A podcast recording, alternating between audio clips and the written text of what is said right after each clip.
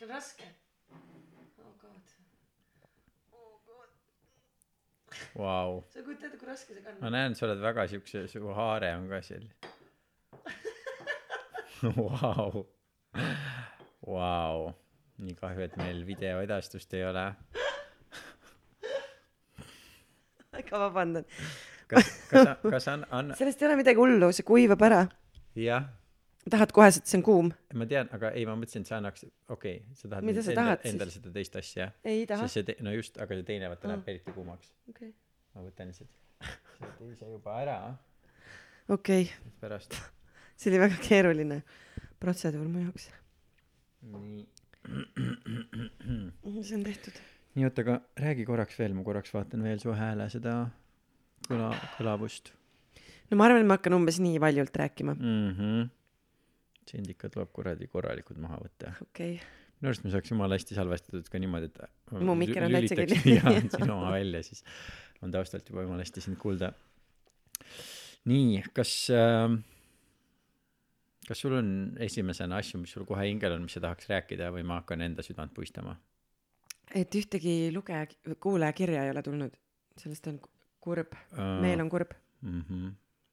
aga see on kõik muu Okei. on tibens-tobens väga hea, ei ole tegelikult siis ei ole Aga tegelikult Event Sobens või? aa vaatame kas me jõuame nende või ei ole tegelikult kuulajakirjasid tulnud või on tegelikult tulnud. ühesõnaga, tõsi on tõesti see, et tegelikult kuulajakirjast kogu aeg tuleb, aga ma lihtsalt äh, eiran neid ja Mm. jah kas sa oled meie mailbox'i ka vaadanud äh,. Raske öelda, pigem vist ei ole äh,. tegelikult äkki seal on mitmeid kirju. Ei, mul on, kuna mul on kõik mailbox'id ühendatud, siis ta aga ma ei usu et sul see on ühendatud sinna. On, on. on ja und ei ole, et gmail.com selles mõttes, et saatke kirju, saatke häid Mm. Saad käid pakkumisi ma arvan, et siin on tulnud nagu mingi kolm. Lidlis saed. kaks väinaga kolm Lidlist. Lidlis. Ma ei tea mida seal müüakse ma pole käinud. See on toidupood, see on vana säästumarket. No Prisma on ka toidupood aga seal müüakse kalastustarbeid ja Okei, re- on- remonditarbeid ja ja revolvreid.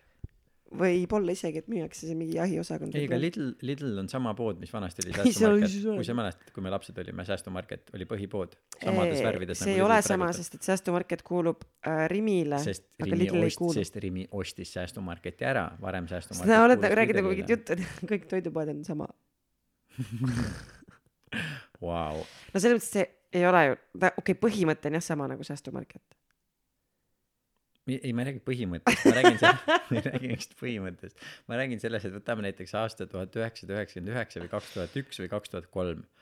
minu vanalõuna tänaval, kus mina, ma paaris- paari saast arvu, et ei sobi. võtan, kui sa lähed säästumarketisse, vahet pole, kas Tallinnas või Tartus või Pärnus või muudes hästi varustatud linnades, siis säästumarket on täpselt samades värvides nagu Lidl on praegu, sest see, need on. Lidli värvid, sest säästumarket kuulus Lidlile ja siis millalgi läks aega mööda ja säästumarketi ostis ära Rimi. Ja nüüd säästumarket sellepärast näeb teistsugune välja. ta näeb välja nagu Rimi. Ma olen õppinud säästumarketi teooriat. Okei, selles mõttes, et see on üks asi, millest ma ei tahaks, et keegi no, ma ei ole igatahes seal Lidlis veel käinud.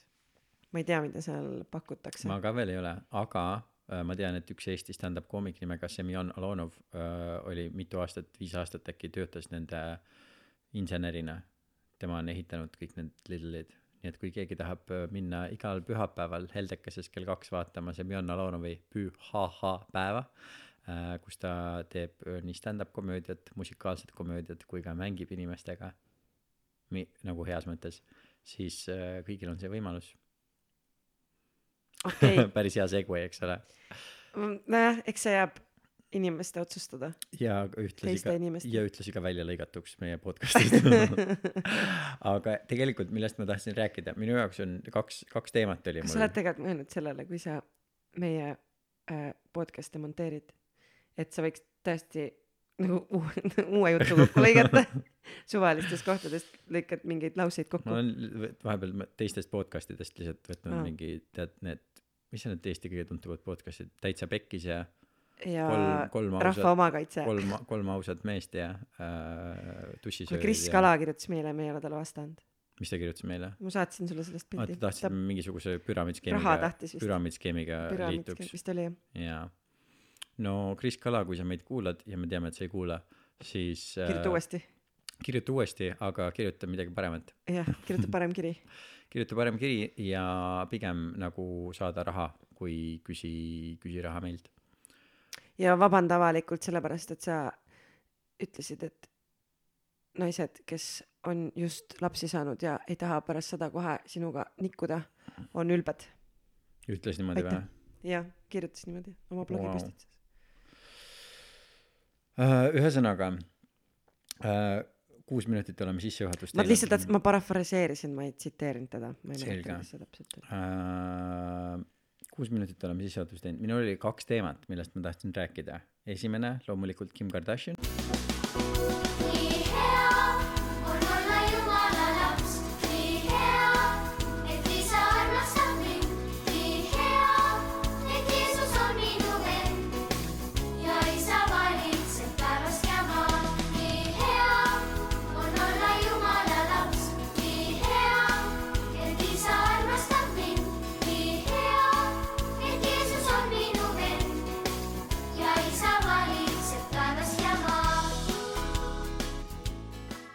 teine Ukraina mis asja, nüüd sai ülejäänud maailm ka teada, et ta on Pete, Pete'iga koos või? ei kõik teadsid seda ammu juba. see ei see minu jaoks ei ole väga huvitav kuigi see on huvitav et selles mõttes et kas sa tead kui vana Pete Davidson on või ei tea, kas sa tahad pakkuda pakuks kolmkümmend viis. ta on kakskümmend kaheksa no ma ei olnud väga kaugel täpselt sama mõttes. vana kui meie seda küll jah jaa mm. -hmm. selles mõttes et ja meie istume siin sa tahaksid ka Ääre- nagu tükikest sellest äh, äärelinnas äärelinnas koogikesest või? et võrdled siin ennast. ei see oli lihtsalt minu jaoks naljakas kui ma sain kui ma sain teada sellepärast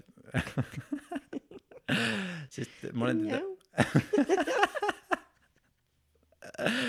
sest Pete Davidsoni ma mäletan ma ei tea juba kuskil kaks tuhat neliteist või viisteist või kuusteist aastast erinevatel roast idelt nagu Mm. äh, siis ma eeldasin mina üldse ei tea, kes ta on. Ta on Saturday Night Live'is seda ma tean jah, ja ainult et ta on SNL-is. ja mina teadsin teda roast idelt äh, sest tal olid mõned head roast'i naljad ja tema isa suri nine eleven'i ajal ära seal kuskil Roast kõlab täpselt nagu bri- brittidel on see Sunday roast, noh kus nad perega koos a- aiupraadi söövad. ma lihtsalt kujutan ette, kuidas see Pete'iga koos kuskil siukses, ma ei tea, Wish-, Warshire, Warshire'is või kuskil siukses kohas laua taga ja siis teil on roast käimas. jep Can you pass äh, me some gravy?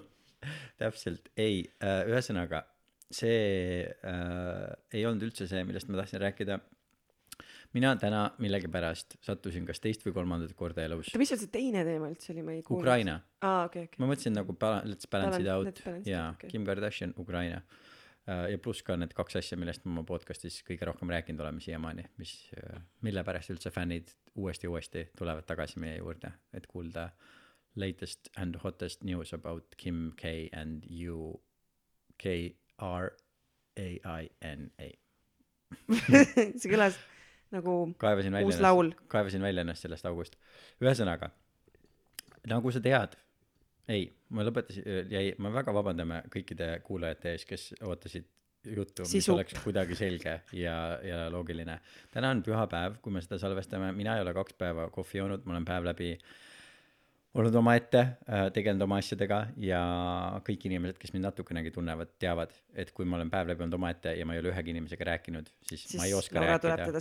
siis ma ei oska rääkida. lihtsalt ja mul läheb aega et üles soojendada et üles soojeneda et mu sõnad üldse loogilised oleksid. Ühesõnaga vaatasin täna teist või kolmandat korda elus Kim Kardashini Instagrami lehele. Nii. Ja mõtlesin siis jälle nagu ma olen mitu korda mõelnud mis siis on temast miks on tema just see inimene kes on see tipp äh, selles äh, ma ei tea isegi mis selle kohta öelda nagu meie kultuurilises mõttes nagu üks eks ole kõige siuksem huvitav, mitmes ja ta on selles Instagrami follower'ite listis, ta on kindlasti top kümnes. ma no sest ainukesed kellel võib-olla on rohkem on nagu mingid tema õed tal on kakssada ei, üheksa kõige rohkem on sellel jalgpalluril. Ronaldol ma pakun. sa mõtled Andres Ooper Mart Pomm. Siiski. Ühesõnaga tal on kakssada üheksakümmend üks miljonit follower'i mis on väga-väga-väga palju. Ühesõnaga ta on ju olnud nüüd juba väga pikka aega ka üle viieteist aasta pildis tegelikult. Ühesõnaga ja siis ma hakkan lihtsalt scroll ima ja scroll ima ja scroll ima ja scroll ima ja vaatama et mis mis seal siis nagu on. Ja paar asja mis ma avastasin. Üks sa mäletad ma olen viimasel ajal eriti aga viimased kolm aastat kogu aeg esitanud seda küsimust et kuidas need tänapäeva noored tütarlapsed kes on meist viis kuus seitse aastat nooremad aga tegelikult enam-vähem samas vanuseklassis et kust kohast tuleb nende huvitav stiil. Nii. Ja ma ei mõtle seda normcore'i stiili mis on lihtsalt see et mis see on jah? Normcore on see, et kõik peab olema nagu nii igav ja nii mõttetu nagu see, mida mingi neljakümne aastane isa kannaks, aga irooniliselt. noh, nagu mingid laiad velvetpüksid ja hästi koledad jalanõud ja beežid ja noh, põhimõtteliselt okay. et ole nii nähtamatu. see vest ja need kalamehe mütsid ja just, just, just, et ole nii nähtamatu kui võimalik. Ja sandaalid ja- ja okei, kogu see asi, see on Mm. normcore täpselt. aga siis, kui vaatad neid mingeid noori lahedaid, eks ole äh,, eka tšikke äh,, kunstitšikke, DJ tšikke, eks ole, siis neil on siukene nagu mingi strong eyeliner, think going on ja nagu sihuke hästi ära lakutud juuksed ja Mhm. vaat kogu sihuke värk, eks ole, hästi sädelev, sädelevad nagu mingid nahast riided ja kogu see värk, nii. Ja ma olen mõelnud ju, ma olen, tead ise ka, et ma olen mitu korda olnud nagu tahaks need inimesed maha, maha istutada. Maha istutada.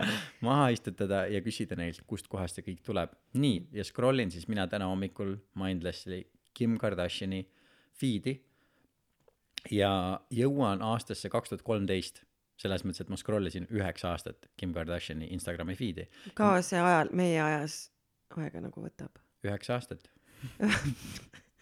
ma ei tea, nine years ma ei tea, later. paarkümmend minutit äkki. Okei. Aga ühesõnaga, mis ma siis avastasin, on see, et Kim Kardashian oli kuni äh, kahe tuhande kolmeteistkümnenda aastani üsna, üsna, üsna maitsetu.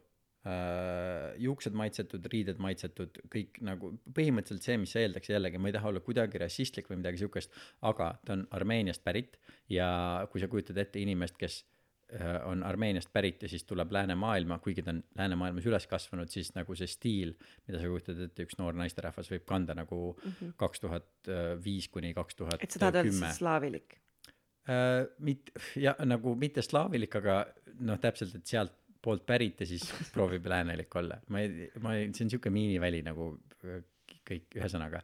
ma ei mõtle halvasti midagi, aga ühesõnaga ta oli üsna maitsetu, on kõik, mis mm -hmm. ma tahan öelda, et ei, ei näinud väga, väga stiilne välja. Mis juhtus kaks tuhat kolmteist aastal, Laura, palun? kaks tuhat kolmteist aastal mitte meie eludes, aga Kim Kardashini elus. et mul oli esimene aasta ülikoolis ja ei ma ei tea mis tema elus just sa tahad öelda et ta kohtus Kanye Westiga siis või just täpselt, ta kohtus Kanye Westiga, kuule, sa pead panema need teepakikesed sinna tagasi ja minu meelest on päris hea On või? sa Aa, oled siis- siuke kange teearmastaja ma panen ainult ühe Oota. tagasi okei okay,, tead, me jõudsime kompromissile. Ma paneks poolteist aga ma ei hakka pooleks tegema seda teekotti kes on võib-olla rõve.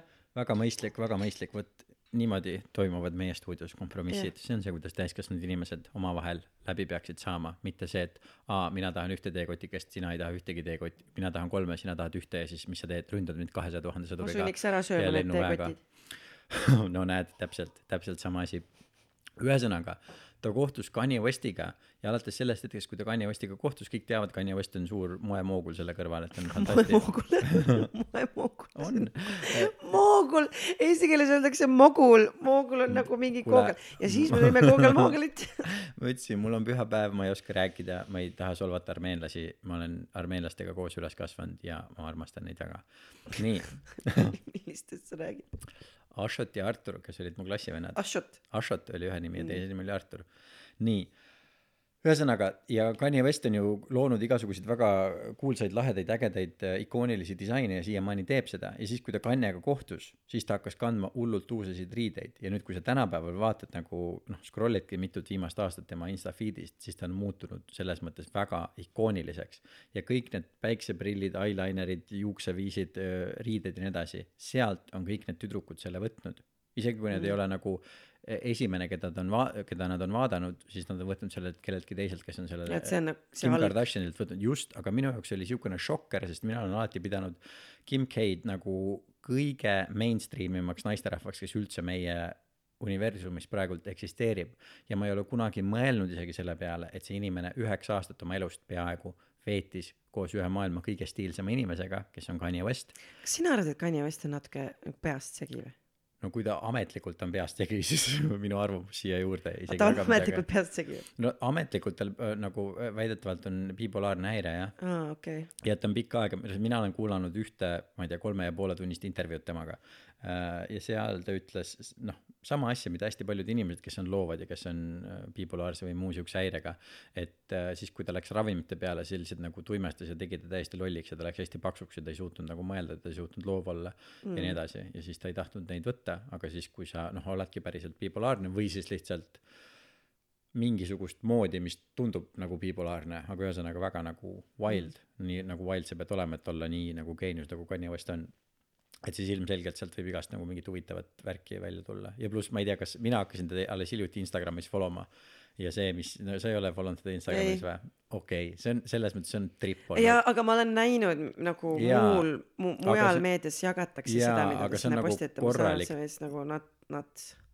Aga see on That's korralik korralik trip nagu lihtsalt see, et nagu õppida mingisugust inimest nagu tun-, mitte kultuurifenomenina lihtsalt vaadata seda, mis see viimased paar kuud, kuidas ta on nagu, sest mis ta pikka aega tegi, oli see, et ta lihtsalt caps lock'is kirjutas nagu kõik oma need äh, postitused ja siis oli kogu aeg siuke tunne, nagu ta karjuks mm. -hmm. ja siis mingil hetkel ta tegi postituse ka, mis oli siis nagu normaalsete tähtedega, kus oli see, et aa, mul on öeldud, et tundub nagu ma karjuks kogu aeg, kui ma caps lock'i kasutan, et ma tegelikult ei taha karjuda, et ma siis nüüd kirjutan normaalselt edasi no see on see, kui vanad inimesed lähevad sotsiaalmeediasse. põhimõtteliselt küll jah, ma on mingi nelikümmend kolm.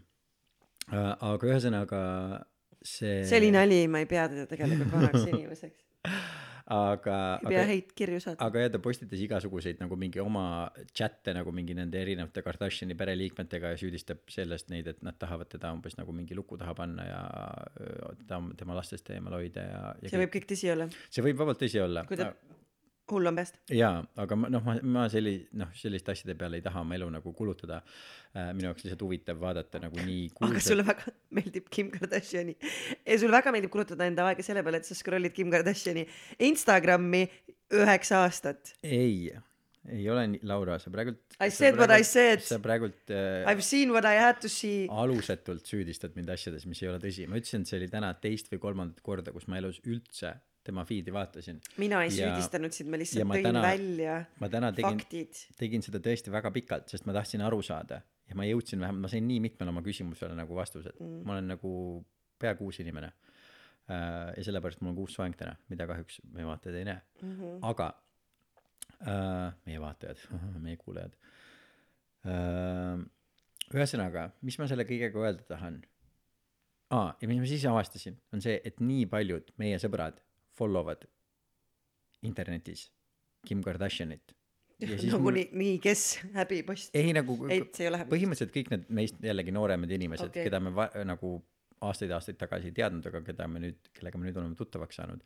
ja see ongi väga huvitav, et ma sain aru, et vau wow,, nii palju nagu sellest, mismoodi nagu ennast meigitakse, timmitakse, tuunitakse, värki-särki on, tuleb otse temalt. ja see on minu jaoks šokker lihtsalt sellepärast, et mina olen kogu aeg arvanud, et nagu need inimesed, kellega mina suhtlen, on rohkem nagu edge'id ja mitte mainstream'id aga nad võtavad oma mõjutused tulevad ikkagi nii tugevalt temalt ja siis ma olingi nagu torn natukene, sest nii pikka aega Kim Kardashian oligi nagu noh, etalon mingisugusest reality kogu sellest värgist mm. -hmm. aga siis, kuidas sa paned selle kõige tavalisema pläusti reality asja kokku sellega, et ta ikkagi, tal on Kanye Westiga neli last. ta on ja ta ikoon on, ja ta on, ta on ikoon ja ta on ikooni naine ka veel mm. -hmm. ja, ja need mõjutused ilmselgelt on talle maha voolanud no nüüd see on läbi.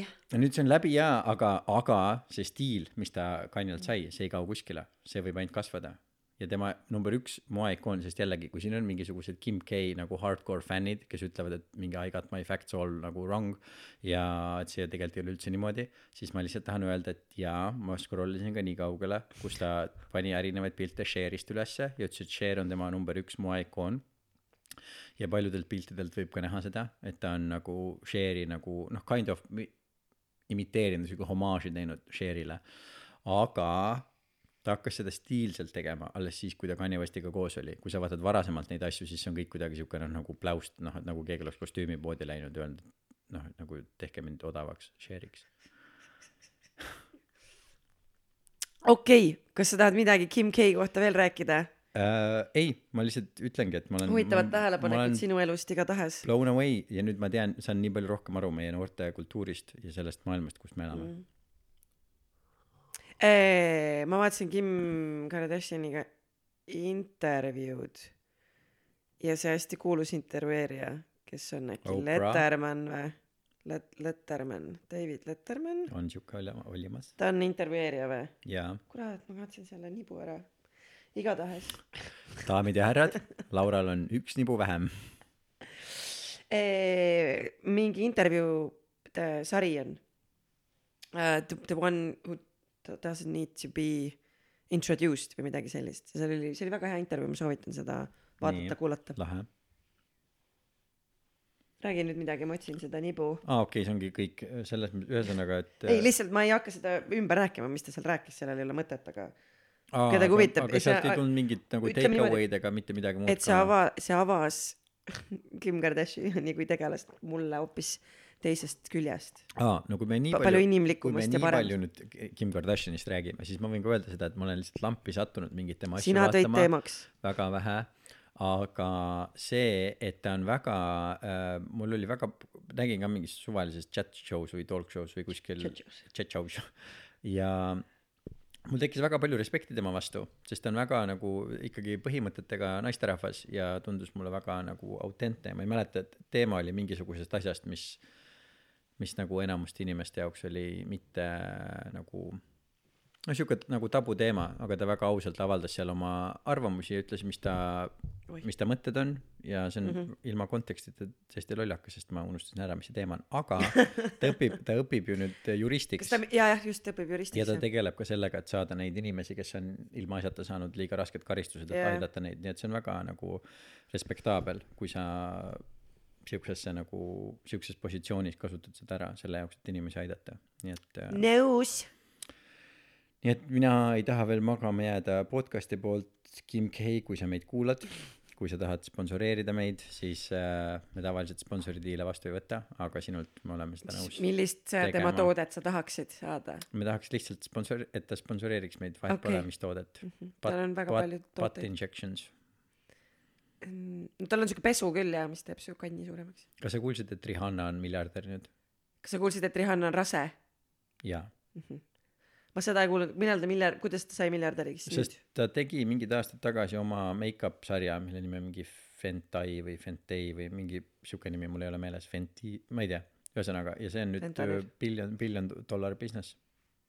Jaa Vau, no Rihanna beauty industry on very huge. jaa aga nagu Under my umbrella kuueteistaastane Rihanna from the Barbados ja nüüd on miljardär boom. Jah, jaa.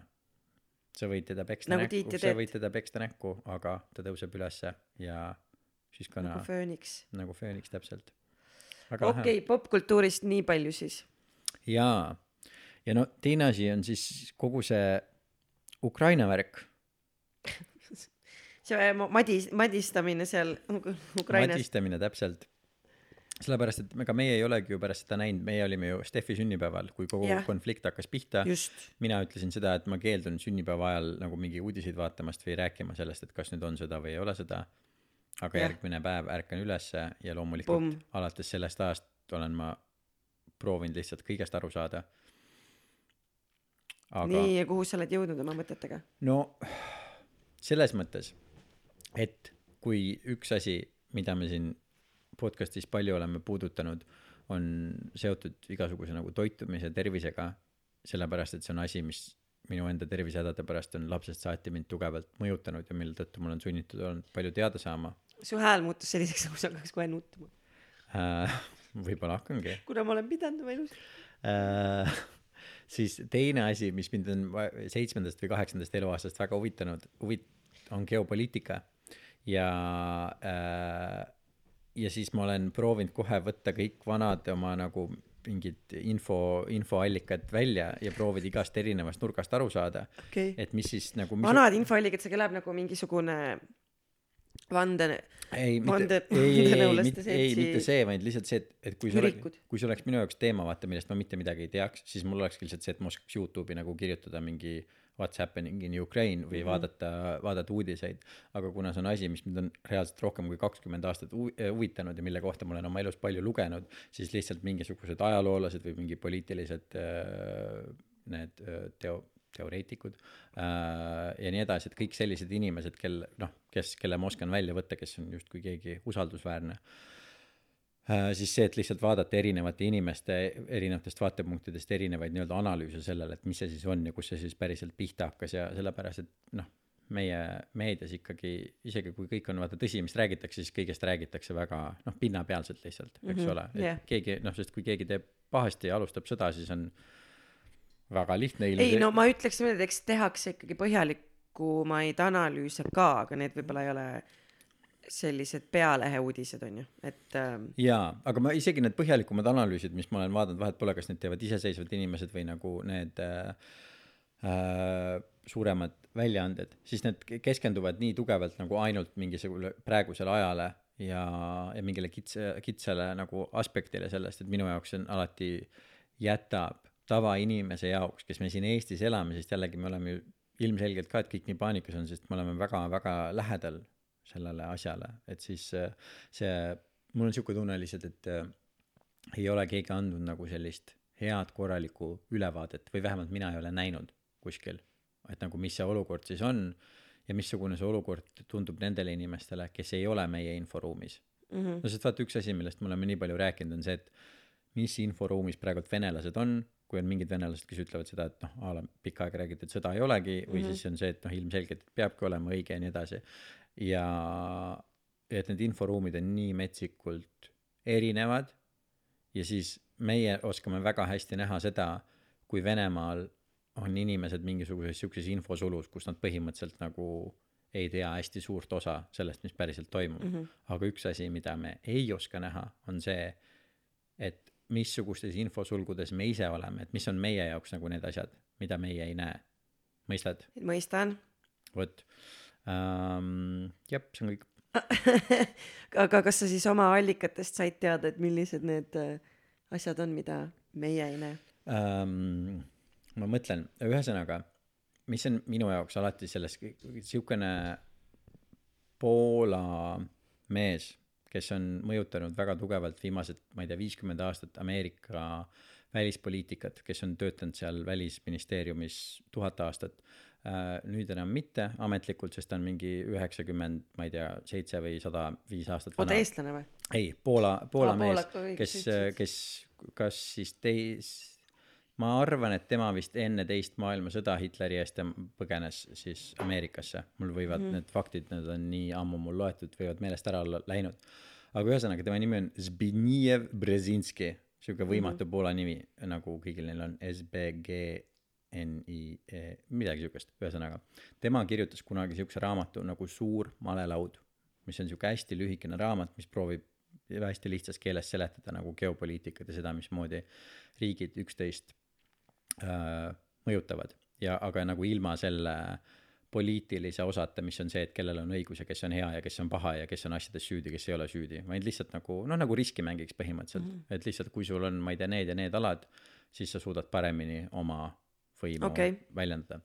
ja ta tegi seal hästi lahedat asja, mis oli see, et ta keeras maakaardi tagurpidi ja kuna me oleme maakaarte ainult ühtepidi harjunud nägema, siis meil on hästi nagu, no tead, vaata nagu on see, mis kaartide peal tekib see, et meile tundub, et Euroopa on hästi palju suurem kui äh, Aafrika mm, -hmm. sellepärast et äh, põhja pool olevad asjad ja venitatud. just on suuremaks venitatud ja meil on sihuke mulje, et noh, ka arvatakse, et see on üks põhjus, miks valged inimesed peavad ennast nii palju olulisemaks ja tähtsamaks, on sellepärast, meil on sihuke tunne, et meie oleme ju seal nagu kaardi nii-öelda selles põhikohas, vaata. ja me oleme Mm, nii palju okei. suuremad ja kõik asjad. ma ütleks, et see on siuke wild nagu väga ja, ja, kauge aga see on, võib-olla. aga seda on ühesõnaga, see ei ole minu teooria, see on Loogika, asi, mida on nagu nii-öelda teised inimesed äh, öelnud, et see võib, võib niimoodi olla, sest Aafrika paistab hästi palju väiksem, kui ta on, Euroopa paistab hästi palju suurem, kui ta on. aga kui sa keerad selle teistpidi, siis sa vaatad lihtsalt nagu väga nii-öelda uue ja puhta pilguga seda, et kus kohas on mingisugused tähtsad, tähtsad alad, mis on mingite riikide, mingite regioonide jaoks olulised selle jaoks, et hakkama saada. ja, ja nii-öelda, ühesõnaga, kui kedagi siuksed asjad huvitavad, siis väga lihtne, väga väike lühike raamat on Suur malelaud, mille see Zbigniew Brzezinski mitukümmend aastat tagasi kirjutas. see on lihtsalt sihuke väike kõrvaleheide uh, üks asi, mis mulle on meeldinud, on see, et paljud inimesed on teinud postitusi selle kohta, et kuna Putin tegi mingisuguse no, üliabsurdi selle ütlemise, et noh, a la nagu Ukraina peakski olema või on, on nii-öelda ajalooliselt olnud Venemaa osa ja siis näidati nagu mingeid erinevaid aegu, eks ole, kus nagu on olnud igasuguseid erinevaid riike mm -hmm. nendel aladel ja enamused eestlased teavad ka seda, et suur osa Venemaast seal elavad erinevad soome-ugri rahvad mm, -hmm. kes on väga palju lähemal eestlastele ja soomlastele kui venelastele aga mis ma arvan, mis on väga huvitav inimestele teada, on see, et kuni kolmeteistkümnenda sajandini, kui äh, Džingis khan äh, vallutas, eks ole, järjest tegi põhimõtteliselt kõige suurema vallutuse, mis keegi kunagi maa peal on teinud äh,, siis Mongooliast põhimõtteliselt kuni Peterburini mm -hmm. ja jõudis praktiliselt Eestini, siis kuni selle hetkeni kogu Venemaa ala olidki, seal olid erinevad, eks ole, mingisugused, ma ei tea, vürstkonnad, tsaarkonnad, ei tsaari siis veel ei olnud olemas, vürstkonnad ja noh, põhimõtteliselt siuksed väiksed, ütleme väiksed kuningriigid nende kohta, mis ei ole kor- korrektne termin, aga ühtset Venemaad kui sellist ei eksisteerinud mm. -hmm. ja siis mongolid vallutasid kogu maa kuni Peterburist natukene edasi, ütleme praktiliselt Eesti piirini mm. -hmm. ja mis juhtus siis, oli see, et Ivan Neljas, keda tuntakse Ivan Julmana, hakkas vallutama mongolite käest kõiki neid alasid, mis mongolid olid kätte saanud ja pärast seda, kui tema oli selle ära teinud, siis see on esimene kord ajaloos, kui tekkis selline Venemaa, nagu me tänapäeval teame, sest varas-, varasemalt olid olnud mm -hmm. lihtsalt tohu ja erinevaid riike, aga ainult tänu sellele, et mongolid olid kogu selle suure ala endale võtnud, siis oli võimalik lihtsalt mongolitelt kogu see ala tagasi võtta ja luua mingisugune uus asi. ehk siis on see, et sellist asja kui Venemaa enne seda tegelikult praktiliselt tegelikult me peaks mongolite peale olema natukene pahased. äh, ei, tead, tead mis Džingis Khani vähemalt. me võime olla, aga on see, et mina usun, et ainukene põhjus, miks tänasel päeval eksi-, eksisteerib Eesti riik, on tänu sellele, et Džingis Khan ei vallutanud ka meid ära. sest sellel hetkel, kui ta oleks vallutanud ka meid ära mina usun ja, Džingis Khani. ja Ivan ja Ivan Julm oleks lihtsalt võetud tagasi ka selle ala, Kuradi siis, Vanja. si- siis me oleksime olnud Venemaa osa juba nagu nii palju ammusemast ajast, et tänaseks päevaks ma usuks, et see meie kultuur oleks nagu rohkem mm -hmm. kadunud, eks ole. et see on, see on üks asi ja kõik see, mis sealt edasi tuleb, seda ajalugu kõik, eks ole, teavad, kui noh, meie maa mõttes on olnud, eks ole, kuradi siin Rootsi aeg ja, ja Vene ajad kordamööda ja, ja hilisemalt ka kõik need muud teised pisikesed asjad. aga noh, kogu selle asja point on lihtsalt see, et Vene riik kui selline tegelikult alles sai hak- hakata eksisteerima siis ähm,. mis on veel selle kohta, mis ma tahan öelda ähm,? kas toiduvarusid oled juba täiendanud?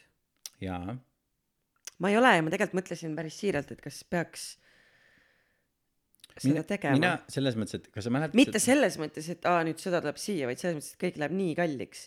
et see nagu majanduslik äh, tagajärg sellel sõjal on lihtsalt nii rets. no mina lasin viimast korda paagi täis siis, kui oli see kurat, see kõlab nii, see kõlab nii, ma ei tea, mis see omadussõna on, aga see kõlab nii võikalt kuidagi. et lasin paagi täis või? no üldse see, et kas ma pean nüüd minema ja ostma nagu kümme pakki tatart, et äh, ja noh, nii edasi. nii, mina lasin paagi viimast korda täis. lasin nagu paagi, ei ma lasin, sõidad selle viimase paagitäiega, siis nüüd ei ma la-, Või- selles mõttes, et mul oli see, et nagu see auto ei sõidagi ju. jah, sellepärast et mina olen siin. ühesõnaga ei, sest kuna see, ma muidu ka proovin hoida paaki pigem kogu aeg täis, ma teadsin, mu paak ei ole täis ja siis need hinnad muudkui tõusid, ma lihtsalt tulin kodust välja ainult sellel eesmärgil, et minna ja lasta paak täis, sest hind oli läinud juba üle kahe euri mm. liitri peale. Ja siis ma lasen paagi täis ja siis järgmine päev mingi, aa, laseme hinnad alla kümme senti. mul on nagu mingi, laske ülesse, siis mul on nagu mul on paak täis mul juba on. paak täis, come on. aga, aga ma käisin ka, jaa, kaks aastat on meil ju olnud enne seda, kui koroonaviiruse asi hakkas, tulid igale poole need äh, reklaamid, et varu enne maru, mis nüüd tulid hiljuti tagasi Jah. mäletad? jaa, mäletan. minu jaoks oli väga naljakas see, et ma ei ole terve elu kordagi neid näinud ja siis nad tulevad täpselt enne seda, kui meil pandeemia pihta hakkab. Põnev lihtsalt, sünkroonsus, ma arvan. Ähm,. aga ma läksin poodi ja ma lugesin täna just. minu meelest need ei tulnud enne seda, need tulid selleks, see juba käis ja siis mõel- mõeldi, et aga mulle meeldib rohkem mõelda niimoodi nagu ma aga ma mõtlen ei ole muidugi kindel ma võin ka eksida vabalt aga ma no igatahes. ma pigem teen oma peas sellest nagu ilusama loo kui see päriselt oli ja usun seda. Nagu paljude kui asjadega reaalsus jaa täpselt. Kõik need ööd sass. See ma lugesin ähm, täna just kuskil oli artikkel selle kohta et mingi naine siis läks ka oma perele nädalaks toiduvaru varuma ja siis oli see et aa et see on nii raske et äh, et kuidas üldse mida sa ostad et nädal aega su pere süüa saaks. Tal oli mees mm. ma ei tea kolm või neli last midagi siukest ja siis seal enne seda ja, kui ja see tegelikult siis kus on probleem? Lastes. Täpselt. Esiteks see aga enne kui paywall ette tuli kõik mis ma sain lugeda oli see et kuskil oli kirjas et et hea on nagu mingisugune umbes mingid nuudlid ja halvaa ja sellepärast et halvaas on palju nagu seda kaloreid või palju kaloreid ja et siis see on nagu noh et ja seal et mees peab kaks tuhat viissada kalorit saama mina pean kaks tuhat saama väiksed lapsed tuhat ja teismeealine kaks tuhat. Ja siis nagu nuudlid ja halvaa sest halvaas on palju kaloreid. Ja ma olin mingi täitsa perses kas inimesed on lihtsalt napakad peast või sa tahad nädal aega üle söö- sööd halvaad lihtsalt. Minul on ma kõik kõikid kuidas ta kõikidele sellistele inimestele väga lihtne lahendus, ma ütlen teile, mis mina ostsin selle jaoks, et ma saaksin kaks nädalat süüa niimoodi, et mul oleks hea olla, niimoodi, et mul ei oleks mingi letargilisus kogu aeg lihtsalt selles, et ma halvaad söön päev läbi. niimoodi, et mul ei oleks kõht kogu aeg tühi, sellepärast et kui sul veresuhkur läheb niimoodi üles, nagu sa halvaad ära sööd, siis see läheb tunni aja pärast alla, siis sa oled jälle näljanud, sa tahad lihtsalt päev läbi süüa, sul on räige stress ka sellest suhkrust veel. ühesõnaga ja kõht võib kinni minna jah, see on nüüd lubatud. vanasti see oli keelatud halvaadega kõhul kinniminek, aga nüüd just tuli uus seadus, et äh, maski, maski kohustus läheb maha, aga halvaast võib kinni minna äh,. ühesõnaga, mis mina ostsin, ma ostsin erinevaid äh, neid äh, kala, mis tähendab, konservis. kala, on, kalakonserv on, on kalakonserv, ma ei tea, mis nende asjade nimed on. See tsitaat läheb su hauale mis selle asja nimi on mis on nagu kala aga see on konserv oh have you tried kalakonserv Ah, okei okay., ühesõnaga ma ostsin erinevaid kalakonserve, see on rasvane, sa saad kõik oma rasva, kõik oma valgu äh, jumala hea ja säilib igavesti. ma ostsin paar äh, hirvelihakonservi, lihtsalt mõtlesin, uu fancy äh,, kuigi see tegelikult ei maitse mulle üldse, aga lihtsalt mõtlesin, et siis on päris liha ka vaheldus, väga lahe. siis ma ostsin tohhu ja seda kookoskreemi, kõige rasvasemat, eks ole, kus on see, et jällegi saad oma rasvad, saad natuke midagi magusat. nagu mõtle halvast saaksid sa sedasama ja, ja siis ma ostsin erinevaid pähkleid, ehk siis kõik asjad jällegi, kus on palju kaloreid, kus no on palju rasva, nagu on väga väga väga kauge sugulane aga see-eest sugulane hästi kauge pähklite sugulane. Ei või no okei okay, seemnetega on lähedane sugulane nii et seda enam aga nemad, no raudselt, kui nemad ütlevad halvaast, nad mõtlevad seda maapähkli, seda arahiisi halvaad, mis ei ole isegi pähkel, mis on kaunvili tegelikult. e, ja tegelikult ju kas halva ei ole päevalilleseemnetest ei, ei, mingid tehakse, erinevast tehakse, päevalill, see, eestlased teevad päevalillest ja arahiisist, mis on maapähkel, mis on, ei ole pähkel, mis Jaa. on kaunvili äh,. aga päris halvaad tehakse seesamiseemnetest. aa no näed see ja seesamiseemned on seemned tõsi. mis on head sulle nii et tõsi, aga ühesõnaga pähklid, kookos ja konservid ja sul ei ole rohkem mitte midagi vaja, sa saad kõik oma, kõik oma vajadused ja sul on kogu aeg äh, kõht täis, mõnus olla ja väga lihtne ja kõik säilib igavesti praktiliselt. ja pluss võid tohu ja mett osta ka, sest kui sa tõesti tahad suhkrut, tahad magusat, siis mesiga säilib igavesti ja on hea sulle. Okay, selles mõttes, et I fixed you ja võite ma lähen siis äh, poodi. Aga oota, nojah sa juurikeid ei aga selles mõttes külmutatud juurik külm sügavkülma võiks ka täis osta. Nii, sa võid sügavkülma täis osta, aga kui midagi päriselt perse läheb, siis võib elekter kadunud olla ja ma ei ostnud ühtegi sügavkülmatatud asju täpselt sellepärast, et äh, kui sul külmkapp enam ei tööta, siis ma teeks siis äh, kõik selle kohe söögiks ära. Aga kui sul ka ei, ei tööta ka pann, kui sul ei ole aga ma teeks kõik kui sa, kas sa ahjus hakkad neid tegema või? see ei ole see, et varu enne maru, et paneme nädalaks aga ajaks ukse kinni. emal on gaasipliit läks ema juurde ema teeks äh, tal on priimus ka. Aga kui sa paned gaasipildi põlema, siis zombid näevad seda sooja, seda kohta jaa õigus ja läbi- siis ma ei saa seda plaani teha sest et Näed. zombid tulevad. Jah, sa pead kõigeks valmis olema, tõsi me ei tea ju mis apokalüpsis see on. Täpselt. Uh,. oota, ma mõtlen, mis ma tahtsin veel selle, sest ma ei ole, ma selle Ukrainaga, ma tegin alles nii pika sissejuhatuse, kui ma ei jõudnud üldse selle kohani, millest meie, ühesõnaga kogu kõige suurem vist point on lihtsalt see, et mis asju meie ei näe. Ja kui sa mõtled mingite inimeste peale, kes ei hooli ei NATO-st ega Venemaalt, kes lihtsalt nagu eemalt seda vaataksid, mis asju nemad saavad vaadata niimoodi, et milles on meil täiesti nagu äh, prillid ees lihtsalt või noh, mitte prillid, aga need silmaklapid ees, et me, sest üks asi, mis ilmselgelt on toimunud, on see, et see propaganda kogus, mis nagu ka meie poolt tuleb, lihtsalt see positiivne sõjapropaganda, vaata kuidas hästi palju, mis iga sõja ajal toimub, on see, et kõik uudised, mis sa loed, on selle kohta, kuidas need, kelle poolt meie oleme, kuidas neil läheb nii hästi, nad on nii fantastilised ja need, kelle vastu me oleme, kuidas neil on kõik pekkis ja nad juba annavad alla no jaa, see on ju massi kontrollimise vahend mm. mm. -hmm, mm -hmm, mm -hmm. aga üks see minu näide, mis mulle kerkis pähe, sa mäletad siis, kui see äh, Black Lives Matteri äh, asi oli siis, kui see George Floydi tapmine oli Jaa. ja see oli nüüd mingi kuues juuni kaks tuhat kakskümmend, eks ole, peaaegu kaks aastat tagasi. ja siis oli üks päev, kus kõik postitasid neid mustasid ruutusid mm. -hmm. kas ma ja siis tehti, jaa, siis tehti üleskutse, et ärge tehke seda, sest et päris, päris info jääb selle just, aga, sotsiaalmeedia aga näidendi vahe või etenduse vahele. aga, aga minu point on see ja ma usun, et me rääkisime sellest ka siis podcast'is. Point on see, et äh, need inimesed, kes üldse hakkasid tegema seda, et postitage musta ruutu, olid inimesed, kes tahtlikult proovisid seda movement'i saboteerida. jah, see on info, see on üks näide, väga hea näide infosõjast. just täpselt mm nii, aga mis siis juhtus? juhtus see ja ma, see põhjus, miks ma just sellest asjast räägin, see võib suures pildis tunduda mõttetu, aga ma räägin sellest asjast, mis puudutab meievanuseid inimesi, inimesi, keda me tunneme ja kes on rohkem täpselt selles inforuumis, kus meie oleme, kus nagu sotsiaalmeedia on väga suur osa sellest. mis juhtus, oli see, et väga paljud inimesed äh, sotsiaalmeedias tegid postitusi selle kohta, et äh, sa umbes praegult ei tohiks mitte millestki muust rääkida, kui sellest Black Lives Matteri asjast. kui sa ei ole seda musta ruutu postitanud, siis sul on midagi viga, sest ka mingid kõik suured, eks ole, brändid postitasid seda, eks ole. ja et kui sa hoolid, siis sa postitad selle musta ruudu ja kui sa, kui sa musta ruutu ei postita, järelikult sa oled, ma ei tea, rassist ja sul on suva ja nii edasi. nii, aga siis tuli välja see, et ohohoo, ohohoo, see oli tegelikult saboteerimise vahend ja kõik need inimesed, kes postitasid seda, lihtsalt ei lasknud sellel päris infol mm -hmm. püsida, sest sedasama hashtag'i kasutades kõik muu asi oli lihtsalt mm -hmm. matetud, eks ole, sinna, sinna alla.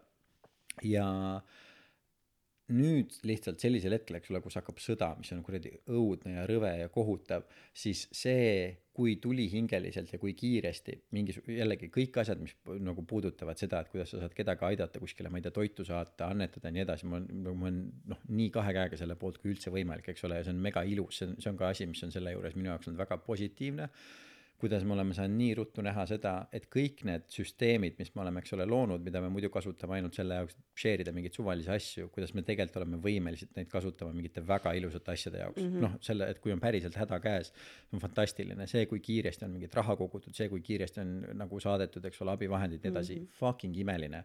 ja kõik inimesed, kes sellega tegelevad, ma väga, mul on ainult respekt, ainult austus selle vastu uh,. samad sõnad ütlen ära igaks juhuks. jaa, et nagu mega, noh tõesti mega, see on mega, mega, mega, mega, mega, mega ilus, väga liigutav, väga puudutav, väga kaunis äh,. aga mida on ka kahjuks, õnneks seda ei ole palju, aga natukene mingitest kohtadest näha, on täpselt see hetk, kus inimesed võtavad selle nagu selle võimaluse, et näidata seda, et kuna minul on minu profiilipildi all Ukraina lipp ja kuna mina jagasin seda ja seda ja seda postitust, siis mina olen hea inimene. Aga need inimesed, kes seda ei tee, siis järelikult teil on midagi viga või te praegult ei tohiks tegeleda mingite muude asjadega või miks te ei ole seda seda teinud, tekib see vaata noh, selline moraalne üleolek jälle mm., et mina olen õigesti käitunud ja teised inimesed ei ole õigesti käitunud. ja, ja lisaks ka see, kuidas äh, noh, jällegi arusaadavalt väga paljud firmad on Venemaast ennast, eks ole, eraldanud, eemaldanud mm. -hmm. ja, ja on läinud üsna ekstreemsusesse see, et ärme toote, toeta enam ühtegi, ma ei tea, vene kunstnikku, vene artisti, vene inimest, vene mitte midagi. Ja ka see, et kui äh, ja ühesõnaga, mis on kõige koledam olnud minu jaoks, on need üleskutsed äh, vene inimeste suunas ja seda ma olen näinud väga palju inimesi, keda ma austan, kes on minu jaoks ilusad, toredad inimesed ja mõistlikud inimesed, kes on teinud siukseid postitusi ja väljakutseid, et äh, praegult on nagu kõikide venelaste kohustus äh, minna tänavatele ja keelduda, ma ei tea, normaalsest elust ja nõuda selle sõja lõpetamist ja minna Putinile vastu ja Putin kukutada ja, ja umbes, et kui, kui venelased praegult ei tegele selle nagu info jagamisega, mis meie siin Eestis teame, et on päris info, mitte valeinfo ja ei tegele nende sõjapiltidega piltide jagamisega ja ei riski sellega, et neid võidakse, eks ole, vangi panna ja ma ei tea, tänaval politsei poolt läbi peksta. et kui nad seda ei tee, siis umbes noh, et siis ta ei väärigi midagi paremat ja et, et, et ma ei on- ole siukseid asju näinud see on muidugi näide ilmselgest lollusest on ju et jaa, no aga, aga minul ongi see, et ma- räägin sellest. no praegu arreteeritakse inimesi kes valge plakatiga seisavad ja, ja ma tean, ma on olen näinud ja see ongi ja see on väga, väga nagu hirm, aga minu jaoks on see, et täiskasvanud inimesed, minust kümme, kakskümmend aastat vanemad inimesed, väga väärikatel erinevatel nagu äh, kohtadel Eesti äh, kultuuris äh,, kes on selliseid asju äh,, asju öelnud ja siukseid sõnavõtte teinud. Ja, ja mina lihtsalt tahaks öelda, et kõikide selliste inimeste kohta ja selliste inimeste kohta, kes tunnevad mingit üleolekut või näitavad välja mingit üleolekut tänu sellele, et neil on profiilipildi all Ukraina lipp või nad on kuskile annetanud või mingisuguseid postitusi jaganud, siis ma tahaksin meelde tuletada, et viimase kahekümne aasta jooksul ei ole teadaolevalt olnud mitte ühtegi päeva, kus Ameerika Ühendriigid ei oleks pommitanud kas Afganistani, Iraaki, Somaaliat, Jeemenit ähm,, praegult mul üks teine riik ei tule pähe, aga neid riike on umbes neli või neli või viis tükki äh, veel, keda ma võiksin, võiksin nimetada, neil on umbes üheksa või kümme riiki, kus neil on noh, praktiliselt kakskümmend aastat järjest erinevad sõjad äh, käinud, droonidega pommitamised Pak-, Pakistan ka äh,, ühesõnaga, et ja need on sõjad ja konfliktid, mida meie vaikimisi NATO liikmetena esiteks toetame ja Afganistan ja Iraak on ka kohas. aga miks sa tahad öelda et me me toetame sellepärast et Ameerika on meie allai või Just, selles no mõttes sest me oleme, me oleme NATO-s. olles Ameerika või just, eks ole, olles lihtsalt, me oleme vaiki, vaiki, vaikiva nõusolekuga, eks ole, ma, ma, ma, ma jõuan oma pointini. point on, kui ma võtan Afganistani ja Iraagi, siis need on ka kaks riiki, eks ole, kus meie sõdurid on käinud ja pikka aega teeninud, mis jällegi tuletan meelde, et Iraagi sõda täpselt samamoodi nagu praegune Ukraina sõda, Ameerika kunagi ei tunnistanud seda, et tegemist on sõjaga, ÜRO mõistis mm -hmm. selle hukka, see oli illegaalne sõda, terve avalik üldsus mõistis selle hukka, me ikka läksime sinna, me ikka käisime seal tulistamas, me ikka käisime seda kõike tegemas. kogu selle aja jooksul ja kogu viimase kahekümne aasta jooksul ma ei ole näinud ühtegi inimest, kes ütleks, et ärme enam osta Ameerikast ühtegi asja, bännime need ära mm, -hmm. ma ei ole näinud ühtegi inimest, kes oleks pannud oma profiilipildi alla äh, Iraagi lipu, Jeemeni lipu, Jeemeni sõda on käinud viimased seitse-kaheksa aastat mm, -hmm. eks ole, Saudi Araabia pommitab neid iga päev, see on kõige suurem humi-, humanitaarkriis, mis praegult meie planeedil eksisteerib, seal on kuradi miljoneid, miljoneid rohkem mm -hmm. nälgivaid inimesi, põgenikke ja nii edasi okei okay,, aga sa selles mõttes sa saad aru miks see nii on ma saan aru, ei mm, -hmm. vaata, mu point on selles, et jällegi ma toetan kõike seda saja protsendiga, et inimesed niimoodi hoolivad, ma saan aru, et me, me oleme imepisike riik, kes elab maailma kõige suurema ja kõige hirmsama riigi kõrval mm, -hmm. ma saan kõigest sellest aru ja ma toetan seda kõike. ainukene koht, kus minu see nii-öelda agapunkt on, on lihtsalt see, et kuigi ma seda kõike toetan, siis ma lihtsalt tahan öelda, et ainukene asi, mis mind häirib, on see, et kui keegi äh, teeb mingisuguseid kas sõnavõtte või seisukohti, mis on see, et see, mis mina teen, on praegult õige ja kui sa ei käitu nagu mina, siis järelikult sina nii-öelda käitud ebamoraalselt. Aga see on lihtsalt väga kahepalgeline, sellepärast et needsamad inimesed ei ole öelnud ühtegi piiksu ei Iraagi, Afganistani, Jeemeni, Somaalia äh, või ühegi muu konflikti jaoks, mida meie vaikimisi oleme alati äh, toetanud. No ja ma, mul on tunne, et see, et me oleme vaikimisi toetanud, on väga riski on nii öelda, lihtsalt sellepärast, et me kuulume NATO-sse. Ähm,. Aga jah, ma saan su mõttest aru. ei, aga ma, ma nagu selles mõttes, et noh, kui ma võin selle kuidagi lihtsamaks teha, siis on see, et Jeemenis sõda käinud kaks tuhat neliteist või kaks tuhat viisteist hakkas see konflikt, eks ole. mitte kellelgi ei ole Jeemeni lippu nende, nende profiilipildi all mm. -hmm. noh, see on kõik, see on kõik, mis ma ütlen, ehk siis kui sul ei ole viimased seitse aastat olnud Jeemeni lippu oma- sinu profiilipildi all, siis sa ei saa tulla mulle ütlema, et kui sul ei ole Ukraina pilti sinu selle Ukraina lippu sinu profiilipildi all, siis järelikult sa ei hooli, Mm -hmm. mõistad? see on ainukene asi, mis ma tahan selle kohta öelda ja jällegi ma toetan seda, et inimestel need pildid on ja ma toetan mm. seda, et inimesed räägivad, ma toetan seda, et inimesed hoolivad ja jagavad sada protsenti, aga see ongi lihtsalt väga nagu kurb, et me hakka- noh et läheb see asi peab meile nii lähedale tulema et me päriselt hooliksime mm. ja üks asi ka mida sa kindlasti võib-olla oled näinud mi- mille mille poolt ma ka täiega olen on see kuidas inimesed on pööranud tähelepanu sellele mis kui rassistlik äh, on ka nende inimeste pääsemine sealt et kui inimesed on pärit nagu ma ei tea Nigeeriast või muudest äh, Aafrika riikidest, siis neil on olnud võimatu sealt või noh, väga raske sealt konfliktist välja pääseda, sellepärast et kuskile, ma ei tea, rongide ja busside peale lastakse ainult valgeid inimesi mm -hmm. ja kui sa oled mustanahaline, siis sulle öeldakse, et mingi kuule, keegi, keegi ei hooli sinust, eks ole mm. -hmm. et see ja ma olen jällegi, ma olen selle poolt ka täiega, et siukseid asju tuuakse välja ja näidatakse seda.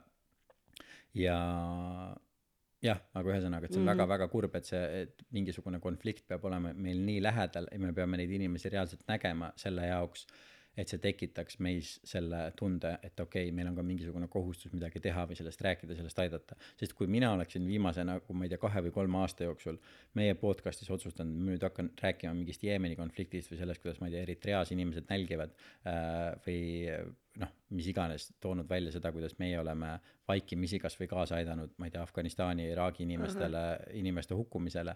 kõigil oleks täiesti pohhu ja kõigil on see, et jaa, okei okay,, see on väga kurb, aga vaata noh mm., see ei ole niimoodi meil nagu see ei näos. ole sinu hoovis. Selles mõttes see ei toimu sinu koduõue peal. see on väga suur vahe. üks asi, mis mulle on silma jäänud, äh, kogutakse siis, eks ole, annetusi asjadena ähm, mis, mille kohta on selles mõttes see tegevus kohati mingites, mingisuguses valguses, mingisuguses valguses ja mingisugustes kohtades on saanud kriitikat, sellepärast et ei ole mõtet minna poodi ja osta uusi tekke ja patju, kui ma saan pigem annetada sellesama rahasumma mingisugusele ettevõttele, kes saab neid osta hulgi, saab odavama hinna, saab selle eest rohkem inimesi aidata, onju. aga ühesõnaga on äh, siis üleskutsed, et jah, et annetage umbes potte, panne, kahvleid, nuge ja siis sulgudes kõikide asjade taga, need peavad olema uued. ma ei saa, ma saan aru, et vist on toimunud mingisugune probleem, et inimesed on annetanud prügilaadseid tooteid, mis ilmselgelt ei ole hea, aga nagu mis mõttes nagu, mi, mi, et mis mõttes nagu siis kasutatud kahvel, kahvel ei ole mingi sihuke asi, mis vaata nagu läheb katki või no selles mõttes, muidugi kahvleid puru, kahvlid ka purunevad, aga mitte üldiselt kahvel on päris pika elueaga ja tal saab olla päris vähe defekte isegi siis, kui ta ei ole uus. noh, pottidega üsna sama nagu it does the job. auku sees ei ole yeah,, siis. It does the job. et see, see on lihtsalt mu jaoks nagu veider, see tundus veits nagu mingi skämmina. äkki oligi skämm, ma ei tea. nagu sellepärast, et väga mitu sihukest skämmi on juba nagu ilmnenud, ilmnenud ka, sest sihukesel hetkel, kus on kriis, alati keegi te teeb mingisugused äh, fake äh, heategevusasjad, kus sa paned sisse, ma ei tea, Ukraine ja Freedom ja siis sa kogud raha tegelikult selle jaoks, et sa saaksid, ma ei tea, Bahamale sõita mm. -hmm. et, et sihukesed asjad toimuvad kogu aeg ja vaata, mis toimub ka aga ühesõnaga minu jaoks mingi suhteliselt usaldusväärne allikas jagas seda, et selles mõttes oli see ma väga muidugi pikemalt ei viitsinud sellesse süveneda. täiesti, ei, see võib olla ka täiesti reaalne, nad tahavadki uusi asju, aga minu jaoks on see lihtsalt ülejäänud maailma kõike arvesse võttes, see tundub, keegi võiks selle mulle ilusti ära seletada, miks yeah. need peavad olema, miks seal sulgudes ei võiks olla uueväärne. ja selles mõttes, kui keegi neid annetusi kogub, siis võib ju öelda, et sorry, seda annetust me vastu ei võta, kui see on prügi, ma ei tea, või siis noh, okei okay,, võib-olla ei ole inimressurssi kõiki neid asju läbi vaadata, aga I don't know, see on. ma mõistan sind täiesti ja, aga see on ka see põhjus, miks ma tõin selle äh, musta kasti postitamise asja, sest ma arvan, et ka mis on praegult juhtunud ja mida ma olen ise ka näinud, on see, et väga palju äh, on postitatud ka, sest sa tahad hea inimene olla, sa näed, mingi asi tuleb ülesse ja sa ei tegele selle nagu faktikontrolliga, et sa lihtsalt postitad mm. mingisuguse video või mingisuguse asja, mis tegelikult pärast tuleb välja, et see on nagu bullshit ja nagu on igasugust. ja, seda on päris palju olnud, mingeid vanu videosid jagatakse. ja, ja noh, igast pilte, videosid, asju, sest sellisel hetkel seda on nii lihtne teha ja sa tahad lihtsalt hea inimene olla. keegi teine, keda sa usaldad postitas, sa lihtsalt ka postitad. eks söödetakse palju seda valeinfot ka ja selles mõttes infosõda käib ju täiega. jaa ja, ja see on noh, see on ka, see on vot sellest nii, nii huvitav nagu osa, et me nüüd reaalselt päriselt olemegi sellises maailmas, kus see nagu infosõda on vähemalt või noh, võib-olla ongi reaalselt täpselt sama suure nagu väärtusega, võib-olla isegi suurema väärtusega no, kui jah. see füüsiline sõda, sest see mõjutab nii tugevalt seda, mida inimesed arvavad mm, -hmm. mida mhm. inimesed teavad, mida inimesed tunnevad. et äh, see on räigelt äh, põnev. ja me oleme, ja kuna me oleme selle kuna meie oleme nii suur osa sellest infosõjast, see on jällegi üks asi, mis, üks asi, mida kõik justkui mõistavad, aga mis nagu väärib kordamist, on see, et kui meie oleme sündinud imepisikesse riiki, mis on hiigelsuure riigi kõrval, siis on võimatu, et me saame terve oma elu ära elada niimoodi, et ei oleks mingisuguseid nagu konflikte või isegi kui, kui need konfliktid ei ole füüsilised, siis et nagu mingi sedasama infosõda, et nagu ke- kes, kes on kellele rohkem paha teinud, kes on milles süüdi, nii edasi mm.. et isegi, ise oletame, et isegi, et Venemaa oleks nagu valitsetud, ma ei tea, maailma kõige paremate ja pühamate inimeste poolest, siis ikkagi, kui sul on üks imepisikene asi, üks ime nagu täiega suure asja kõrval, siis seal tekivad mingisugused nagu konfliktid.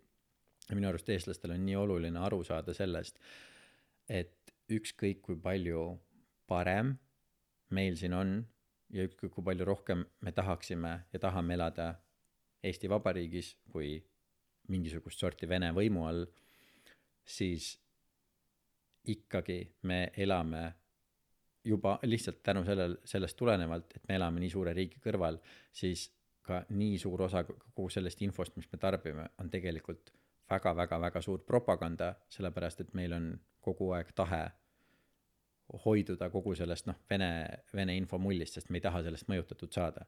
ja seda, aga see tähendab ka seda, et meiepoolne retoorika on tihti väga-väga tugevalt üle vindi keeratud. Sa mõtled siis nagu meedias või sa mõtled pigem inimeste ma mõtlen meedias, tasandil? ma just mõtlen, mõtlen meedias, ma mõtlen, ma peangi silmas seda, et meil on vaata nii lihtne näha seda, et kui me näeme mingit paska, mida venelastele ette söödetakse, siis me näeme seda, et see on ju lihtsalt, see on nii selgesti läbinähtav propaganda.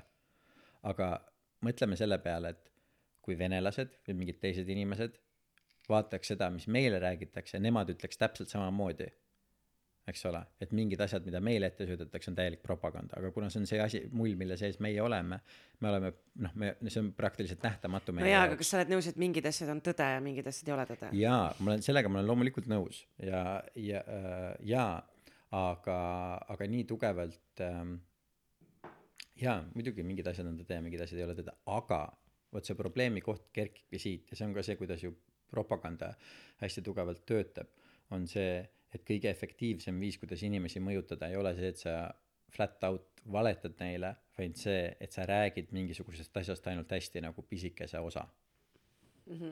kas sa, ma võin sellest ka natukene rääkida, mismoodi, kui sa oled venelane, mismoodi sinule on presenteeritud seda praegust konflikti? no räägi, sest ma arvan, et see oleks inimestel jällegi, see võib päriselt, kui kedagi huvitab, see võib nagu kasulik Ma olla tean, aga- aru saada. sul võib olla rohkem detaile. aga praktiliselt nende, nende lugu ja Putin ise ka on ta on kirjutanud selle kohta artikleid ja ta on oma kõnedes sellest rääkinud äh,, on see, et kogu see põhjus, miks NATO eksisteerib ja miks NATO alguse sai, oli see, et Nõukogude Liitu nähti metsikult suure ohuna ja tehti siis allianss USA ja Lääne-Euroopa riikide vahel selle jaoks, et oleks kogu aeg sõjaline äh, valmisolek siis äh, vajadusel Nõukogude Liidu eest ennast kaitsta. ja see siis noh, käis, eks ole, kuni sinna Berliini, Berliini müürini, sinnamaani siis oli NATO võim, sealt edasi oli Vene võim, sealt ka see väljend, eks ole, raudne eesriie mm. -hmm. ja kui Nõukogude Liit lagunes kokku, siis ideeliselt justkui venelaste jaoks äh, sihukest asja nagu NATO enam ei olnud vaja, sellepärast et see asi, mille vastu see oli ehitatud, mis oli Nõukogude Liit, seda enam ei ole. ja äh, nagu noh, Jeltsin siis Venemaa eesosas, see noh, retoorika jällegi, ma ei ütle see, et see on reaalselt nagu faktid, et see on ka see, mis päriselt oli, ma ütlen, see on see lugu, mis on nende jaoks see lugu, mida nemad räägivad versus meie lugu, mida meie räägime, on siis see, et enam NATO-t ei ole vaja, sellepärast et Nõukogude Liitu enam ei ole. Ja Venemaa ei ole Ameerika vaenlane, Venemaa ei ole Euroopa vaenlane, Venemaa ei ole NATO vaenlane, meie tahame teiega hästi läbi saada, meie tahame sõbrad olla ja lihtsalt oleme nüüd sõbrad. ja mis siis üheksakümnendatel tehti, oli see, et lepiti kokku ja ametlikult on öeldud see, et seda lepiti kokku ja seda lubati, aga seda kunagi ei pandud paberile kirja. Ja see oli see, et NATO enam edasi ei laiene sellepärast, et kui NATO laieneks edasi, siis see oleks venelaste jaoks justkui see, et oot, aga meie oleme teie sõbrad, me ei ole Nõukogude Liit mm, -hmm. miks te laienete, me ei, me ei ole teile kuidagi ohuks mm. -hmm. ja anti siis niisugune äh, selline lubadus ja siis üheksakümne seitsmendal aastal siis äh, taheti Bill Clinton tahtis hakata NATO-t laien-, laiendama, oma esimesel ametiajal seda ei teinud, aga teisel ajal hakkas tegema ja tema rohkem kui viiskümmend tema nõunikku ütlesid talle, et NATO laiendamine on kõige suurem geopoliitiline viga, mida üldse saab teha, sellepärast et Venemaale mõjub see agressioonina ja meil on justkui nii head läbisaamised ja justkui sõnaliselt öeldud seda, et me ei tee seda, sest te ei ole meie vaenlased, et kui me seda teeme, see on kohutav, kohutav geopoliitiline viga. Ja üks mees, kelle nimi on George Kennan, kes väga tugevalt äh, mõjutas seda, mismoodi Ameerika Ühendriikide välis siis äh, see kaitsestrateegia oli äh, loodud kogu külma sõja ajal ka väga tugevalt ütles seda, et see on NATO laiendamine oleks kõige halvem asi, mida üldse teha saaks. aga siis, see oli vist üheksakümne üheksandal aastal, kui olid esimesed riigid, kes olid Poola, Ungari ja üks suur riik veel, Tšehhi äh,, ei, siis, kas siis olid tšehhid? ühesõnaga, kolm suurt riiki võeti NATO-sse vastu. Äh,, Venemaale see ei meeldinud, aga nad tolereerisid seda. Kas Tšehhi ei olnud siis veel ma just Tšehhoslovakkia? sellepärast mul tekkiski küsimus, ühesõnaga ma võin pa- paar pisikest detaili mööda panna, aga point jääb samaks. siis kaks tuhat neli, eks ole, võeti meid, Eesti, Läti, Leedu, võib-olla võeti keegi veel ja millalgi siis on mõned riigid veel juurde võetud. Ja siis ka, kui Eesti, Läti, Leedu võeti, siis minu arust isegi Putin ütles seda. Või umbes tema lähedased ütlesid või see nagu see retoorika oli selline, et meile ei meeldi see, et see juhtus ja me oleme selle vastu, aga me tolereerime seda sellepärast, et Balti riigid ei ole Venemaale äh, julgeolekuliselt kriitilise tähtsusega, aga Ukraina on ja üks asi, mida me absoluutselt mitte kunagi mitte mingil juhul ei tolereeri, on see, kui Ukrainat tahetakse NATO-sse võtta ja huvitav fakt ka on see, et kui Vladimir Putin sai Venemaa presidendiks, üks esimene välissuhete nii-öelda mis aastal ta sai üldse huvitav? üheksakümmend üheksa või kaks tuhat, põhimõtteliselt ko- kohe selle nagu sajand või sajandi ja tuhand-, tuhandi ümber, ümberpööramise ajal. ühesõnaga, üks esimesi otsuseid, mis ta tegi presidendina, oli see, et ta tegi avalduse, et Venemaa võetakse NATO-sse vastu.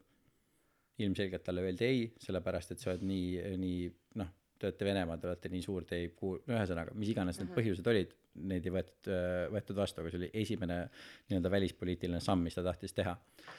Ja mis siis, siis juhtus, oli kahe tuhande siis ta kammis ära. kahe tuhande seitsmendal aastal juhtus ja jällegi ma ei räägi seda sellepärast, et mul oleks mingisugustki sümpaatiat, ma lihtsalt ütlen, et see, need on faktid, mis juhtusid. kahe tuhande seitsmendal aastal toimus siis Slovakkias äh, Bukaresti konverents, ma loodan, et ma ei aja nüüd Slovakkiat ja Sloveeniat segamini äh,, mis oli siis NATO kõige suurem või noh, suur kohtumine, mis äh,, kus siis Ameerika Ühendriigid nõudsid seda, et sellesse lõpp no ma ei tea, kokkuvõte vaata, mis, kui suured riigid saavad kokku ja teevad mingi, ma ei tea neid poliitilisi termineid, vaata nagu noh, samamoodi Kokkuvõte. nagu, Päev- kokku, päev- kokku, samamoodi nagu siis, kui on need mingid kliima, kliima vaata kohtumised ja siis on see, ma ei tea, on see kokkuvõte selle nimi või ma ei tea, ühesõnaga, mida me siis see dokument, mis pärast dokument jah allkirjastatakse just ei doku- jah dokument ja mis mida presenteeritakse siis Ahah. laiale üldsusele et okay. see on see on see miks me kokku saime see on mm. -hmm. see mis me otsustasime see on see mis me tegime äh, siis ameeriklased nõudsid seda et sinna oleks sisse kirjutatud see et äh, nüüd järgmisena NATO plaanib äh, enda liikmeteks võtta Ukraina ja Gruusia Mhm. ja see asi täiesti kindlasti flippas siis hakkas härra Gruusia, sõda. härra, just, sel-, sest sellele vastaski Putin sellega mm, Mhm. -hmm. et okei okay,, te teete niimoodi, davai, ütleme siis nii- niimoodi, et Gruusias on tegelikult kaks väikest iseseisvat riiki, kes ei taha Gruusia osad olla ja meie läheme neid päästma, meie läheme neid aitama. ja tuli Gruusia sõda ja mis juhtus kahe tuhande neljateistkümnendal aastal, oli see, et tolle hetkeni oli ju mõnda aega olnud äh, seal valitsenud see Janukovitš, kes oli venelaste no venelaste mängukond põhiliselt, tegi lihtsalt kõike seda, mis venelased tahtsid. Ja siis toimus ju suur äh, riigipööre, toimus kogu see Maidan ja kogu see asi. Ja mis on selles, okei okay,, ma pärast liigun sinna tagasi, aga ühesõnaga, kui see asi oli juhtunud, siis sellele vastas Putin sellega, et ta annekteeris äh, Krimmi Mhm. ja Krimm on Venemaale ülistrateegiliselt täht-, olulise tähtsusega, sellepärast et neil on seal olnud alati sõjaväebaas mm. -hmm. ja mis hirm se- nendel sellel hetkel tekkis, oli see, et okei okay,, et me oleme siin viisteist aastat pluss, eks ole, proovinud nagu tegeleda sellega, et me võ- suudame kõike muud aktsepteerida, aga üks asi on nahhui, mida me ei akse- aktsepteeri, on see, et te Ukraina NATO-sse võtate ja me oleme ikka veel solvunud, et te meid vastu ei võtnud, ja pärjad., ja äh, aga ja kuna Ukraina on ühendatud Musta merega ja läbi Musta mere on kõik äh, transiisid, kõik äh,, kõik, mida Venemaa saab teha mm -hmm. läbi Musta mere, seal on kogu nende connection Aasiaga, seal on ka Mustas meres metsikult suured gaasi ja naftavarud, mis ametlikult kuuluvad, eks ole, Ukrainale, aga Venemaal võib olla seal ka huvi mm. -hmm. ja kuna Krimmis on neil väga oluline sõjaväebaas äh, ja kogu pääs Mustale merele, siis neil oli lihtsalt see, et okei okay,, nüüd toimus riigipööre, nende jaoks see riigipööre oli nii-öelda ameeriklaste ja NATO poolt, eks ole, kaasa aidatud mm, -hmm. eks ole, isegi kui nad seda ei korraldanud, siis nad vähemalt noh, propageerisid mm -hmm. seda, sest nemad tahavad nüüd tulla ja Ukrainat ka oma liikmeks võtta, mida nad mm -hmm. juba kuus aastat varem siis olid öelnud, et Ukraina on järgmine, kes koos Gruusiaga tuleb. ehk siis nende jaoks see Krimmi annekteerimine oli see, et me lihtsalt peame seda tegema, sest kui praegult Ukraina võetakse NATO liikmeks mm, -hmm. siis äh, meie sõjaväebaasi asemele tuleb siia NATO sõjaväebaas ja me ei saa mitte mingil juhul seda lubada, et meilt võetakse pääs Mustale merele ära ja NATO äh, sõjaväe, noh, ja see on üks nende retoorika, mis neil on olnud ka üle kahekümne viie aasta, on see, et me ei saa lubada seda, et NATO väed on lihtsalt igal pool ümber meie piiri Mhm. ja siis juhtus, eks ole, see asi ja äh, jällegi mingi asi, ma ei tea, kui täpselt Putin siukseid sõnu kasutanud on, aga ka see nii-öelda retoorika, mis sealtpoolt on tulnud ja mida need politoloogid, kes, kes tunnevad seda Vene valitsust, on öelnud, on see, et Putini jaoks on alati olnud seisukoht see, et ta pigem täielikult hävitab Ukraina ja teeb sellest lihtsalt mulla hunniku, kui see, et ta lubab NATO-l äh, sinna oma mm. nagu baasid teha ja selle nii-öelda enda võimu äh, alasse võtta. ehk siis, mis kogu selle jutu point on, on see, et ükskõik kui rõve see ei ole, ükskõik kui vale see ei ole, ükskõik kuidas kõik saavad aru ja noh, terve noh, suurem osa, eks ole, maailma üldsusest on aru saanud sellest, et mingi what the fuck, et meil on päriselt nagu kuradi tankide ja lennukite ja pommidega sõda või, et nagu what, what the fuck, eks ole. ükskõik kui väga me kõik selle vastu oleme, ükskõik kui väga me kõik saame aru, et see on täiesti vale ja seda ei saa mitte kuidagimoodi õigustada, siis üks asi, mis mind natukene nigistab-nagistab, on see, et me peame tunnistama seda, et see oht on seal kogu aeg olemas olnud ja kui sa noh, loed natukene rohkem seda, mida need poliitstrateegid ja kõik inimesed, kes nende teemadega tegelevad, on rääkinud viimased kakskümmend aastat, siis see on täpselt see, et kui NATO niimoodi push ib ja push ib ja push ib ennast edasi, siis ühel hetkel selline asi on äh, noh, et see, see ei pruugi juhtuda, aga kui niisugune asi juhtub, siis nagu kõik eeldavad, et niisugune asi juhtub. aga mis ma tahan siia juurde öelda, on see, et mitte keegi isegi nendest inimestest, kes selliste asjadega tegelevad, kes selliste asjade kohta kirjutavad, mitte keegi ei oodanud seda, et ta läheks ja full blown nagu sõja korraldaks mm. -hmm. sest see asi, mida kõik arvasid, on see, et see Luhansk ja Donetsk või mis Donetsk. Eks ole, et äh, kõik arvasid seda, et ta lihtsalt läheb sõjaväega sinna sisse ja kuulutab need kohad, eks ole, iseseisvaks ja mm, -hmm. ja see lõpeb sellega. noh, täpselt samamoodi, et võtad mingi pisikese tüki, sa ei tee, korralda midagi liiga suurt, kõigil on see, et paha, paha, paha, aga see ei ole nagu sihuke katastroof. aga see, et ta tegi siukse asja, siis kõikidel inimestel on lihtsalt see, et nagu what the fuck, kuidas see et juhtus? äkki, ta on ikkagi hulluks läinud. kuidas see juhtus, miks see juhtus, aga mis ma tahan öelda ka, on see, et see on ka üks asi, mis mind häirib, on see, et vabalt võib olla, et ta on hulluks läinud, eks ole, aga kui sa tead neid nagu geopoliitilisi äh, mingisuguseid täiesti basic, basic asju, miks on Ukraina Venemaa jaoks kriitiline, miks on Mustmeri nende jaoks kri- kri- kriitiline?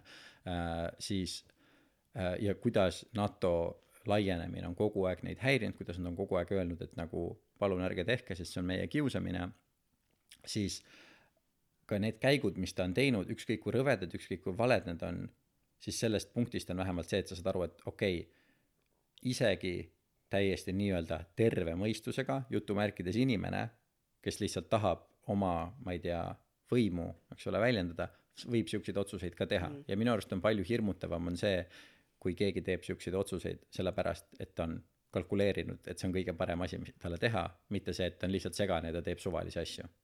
mõistad? et see on minu jaoks palju, palju hirmutavam. ja teine asi ka, et jällegi meie inimestel aru saada sellest, mismoodi jällegi Venemaa retoorika läbi, mida nad on kakskümmend aastat rääkinud, millest Putin on palju rääkinud ja palju kirjutanud, mis ne-, nende jaoks on see nii-öelda enesekaitse ja kuidas see võrdlus, mida nad on mitu korda toonud, on see, et kui sa vaatad äh, NATO, riike, eks ole, kus NATO on ja riike, kus NATO sõdurid on ja riike, kus NATO baasid on, nagu ka Eesti mm. -hmm. ja siis Venemaa jaoks Eesti ei otseselt ei eksisteeri kui eraldi riik, Venemaa jaoks Eesti eksisteerib kui ameeriklaste ja NATO käepikendus lihtsalt mm, -hmm. eks ole. kui nemad kaarti vaatavad, siis nemad näevad lihtsalt kohti, kus on NATO ja kohti, kus on Venemaa, eks ole mm, -hmm. mitte seda, et erinevad riigid. Nende jaoks on NATO nende vaenlane või noh, oht, mitte vaenlane, konkurent. ja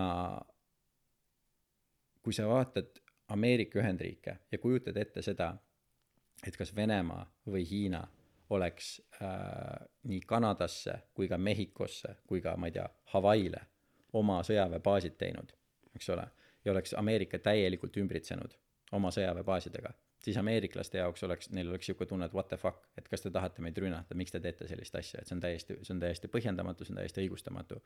ja see on see, mis on Venemaa retoorika viimased kakskümmend aastat olnud, et nüüd on Eestis baasid, Leedus baasid, Lätis baasid, Poolas baasid, Ungaris baasid, nüüd te tahate Ukrainasse ka baasi teha, te Mhm. tahate Gruusiasse baasi teha ja nüüd te tahate Soomesse baasi teha, eks ole. Nemad näevad seda lihtsalt enda ümberpiiramisena aga Hiina ju jääb talle alles.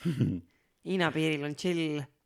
et, et mu kogu, kogu point on see jällegi, et ma, see on fucking õudne, et meil niisugune olukord on ja ma kus toimuvad sõjakuriteod. ja, ja ma ei saa seda mitte kuidagimoodi heaks kiita ja ma ei ole kuidagi kellegi poolt, kes selliseid asju alustab, aga ainuke asi, mis ma tahan ja loodan, on see, et kui keegi natukene hoolib pooli valimata ja lihtsalt ajaloolises kontekstis, et sest mõtle, mingil hetkel me oleme jõudnud sellest konfliktist nii kaugele, et me ei va-, samamoodi nagu me vaatame mingeid Džingis-khaani asju, eks ole, meil ei ole see, et kelle poolt me olime või kelle poolt me ei olnud, me vaatasime, vaatame seda lihtsalt kui nagu maade, maade jagamist, eks ole. et mingil hetkel, kui vaadatakse seda meie aega kui maade jagamist, mitte enam sellena, et kes oli hea ja kes oli paha, siis olenemata sellest, kui õigustamatud Venemaa käigud on, siis inimestel on see või tulevastel politoloogidel, geopoliitikutel on see, et see on täiesti arusaadav, et nad niimoodi käitusid, sellepärast et nad kaitsesid, nii-öelda kaitsesid mm. enda jaoks poli-, poliitiliselt ja jällegi, nagu ma enne ütlesin ka, see on ainukene koht kõikides nendes kohtades, kus NATO baasid on või saavad olla, mis on Vene julgeolekule kriitilise tähtsusega ja nad pigem pommitavad selle koha maatasa, kui lasevad sinna midagi teha. ja see on fucking hirmutav. See on fucking, fucking, fucking, fucking hirmutav. jah, on küll. ja aga jah, ühesõnaga, et ma lihtsalt loodan, et inimesed mõistavad seda, et see et need kõik need inimesed, eks ole, kes elavad selles inforuumis, kus me mõtleme, et kuidas te saate niimoodi mõelda ja teile aetakse nii palju sitta, teile aetakse nii palju paska, isegi kui see kõik on tõsi, siis kui nemad lihtsalt vaatavad seda sellest pilgust, eks ole, et meie oleme siin Venemaa ja meid on nii pikka aega ümber piiratud ja meid on siin aina tullakse meile lähemale, kuigi me oleme ainult head tahtnud, siis see on see jutt, vaata, mis nende peas on. Nende, mina saan, ma saan sellest absoluutselt aru.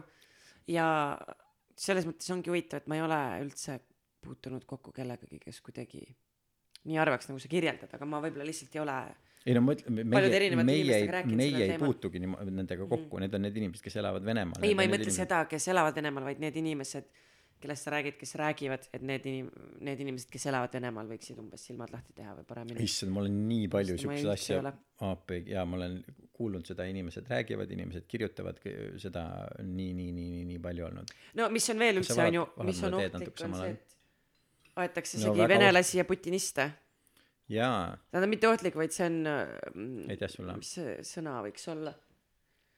valus, valus on on- seda vaadata, on kuidas äh, järsku kõik venelased on pandud ühte ja, ja see klassikaline hõimlaslik, hõimlaslik käitumine hakkab jälle pihta, et oleme meie ja on teised, eks ole, on need, kes on, arvavad samamoodi ja need, kes arvavad valesti. üks asi, mille peale ma alles täna ei no okei okay,, üks asi on see, et on need, kes arvavad niimoodi ja teised, kes arvavad nii, aga praegu Eestis ikkagi väga palju on seda, et nad on venelased, järelikult nad arvavad Ja, nii aga tegelikult nad ei arva nii. jaa, no näi-, ksenofoobiat on USA, palju USA-s on nagu pekstud sisse tohu ja mingisuguseid erinevaid baare ja restorane mis on lihtsalt mingi Russian themed Mhm. need No ei ole isegi venelaste jah. omad aga lihtsalt Mm. see et pakume vene kööki eks ole ja Jah. siis noh et see on loomulikult see on väga-väga kole aga selle selles mõttes ma mõtlengi et tekib see hõimluse asi Mhm. et kui sa ei ole meie tiimis siis sa oled meie vastu mm -hmm. ja me ühesõnaga karistame sind selle eest aga mis ma hakkasin täna hommikul mõtlema oli see et ähm, kõik on väga kiitnud kaasa sellele et praktiliselt kõik firmad nii internetifirmad kui ka füüsilisi asju tegevad firmad on venemaalt eks ole nahhu tõmmanud Mhm.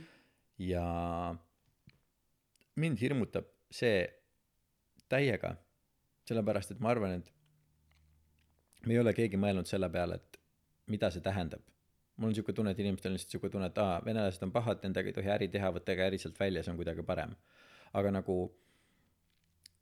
üks põhjuseid miks on nii-öelda demokraatia äh, ja selline meiesugune maailmapilt nii tugevalt laienenud on sellepärast et ameeriklased on selles pehmes propagandas nende soft power on äh, mis on kõik nende filmid kõik nende brändid kõik nende, toidud McDonalds eks ole nii edasi kõik sellised asjad nad on suutnud neid asju nii efektiivselt teha et need on igale poole maailma imbunud. Ja inimesed on lihtsalt selle nagu ongi selle magusa kapitalistliku mugavuse eks ole vastu võtnud. Ja me võime kümme tundi rääkida sellest mis on selles hea ja mis on sellest halba ja ma arvan et me sinuga mõlemad arvame sellest enam-vähem samamoodi. Aga mis on mis juhtub sellisel hetkel kus kõik need asjad sa võtad sealt riigist lihtsalt välja.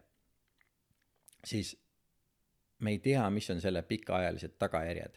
Kui ko- kogu kokkupuude läänemaailmaga nendel inimestel lihtsalt kaob ära sest sotsiaalmeediad juba on öelnud me lülitame seal eks ole nad välja või siis Venemaa on no öelnud see et me lülitame Nõukogude Liit on Ju- selles mõttes neil tagasi. Just et see letid on tühjad midagi osta ei saa inimestel raha ei ole just ja siis ja välja nad ilmselt sealt ei saa. Siis just ja ja tekib jälle täielik eks ole mingisugune eesriie hästi-hästi palju süütuid inimesi hakkab hästi-hästi kurba elu vist nägema. Mm -hmm. veel kurvemat kui see praegu on.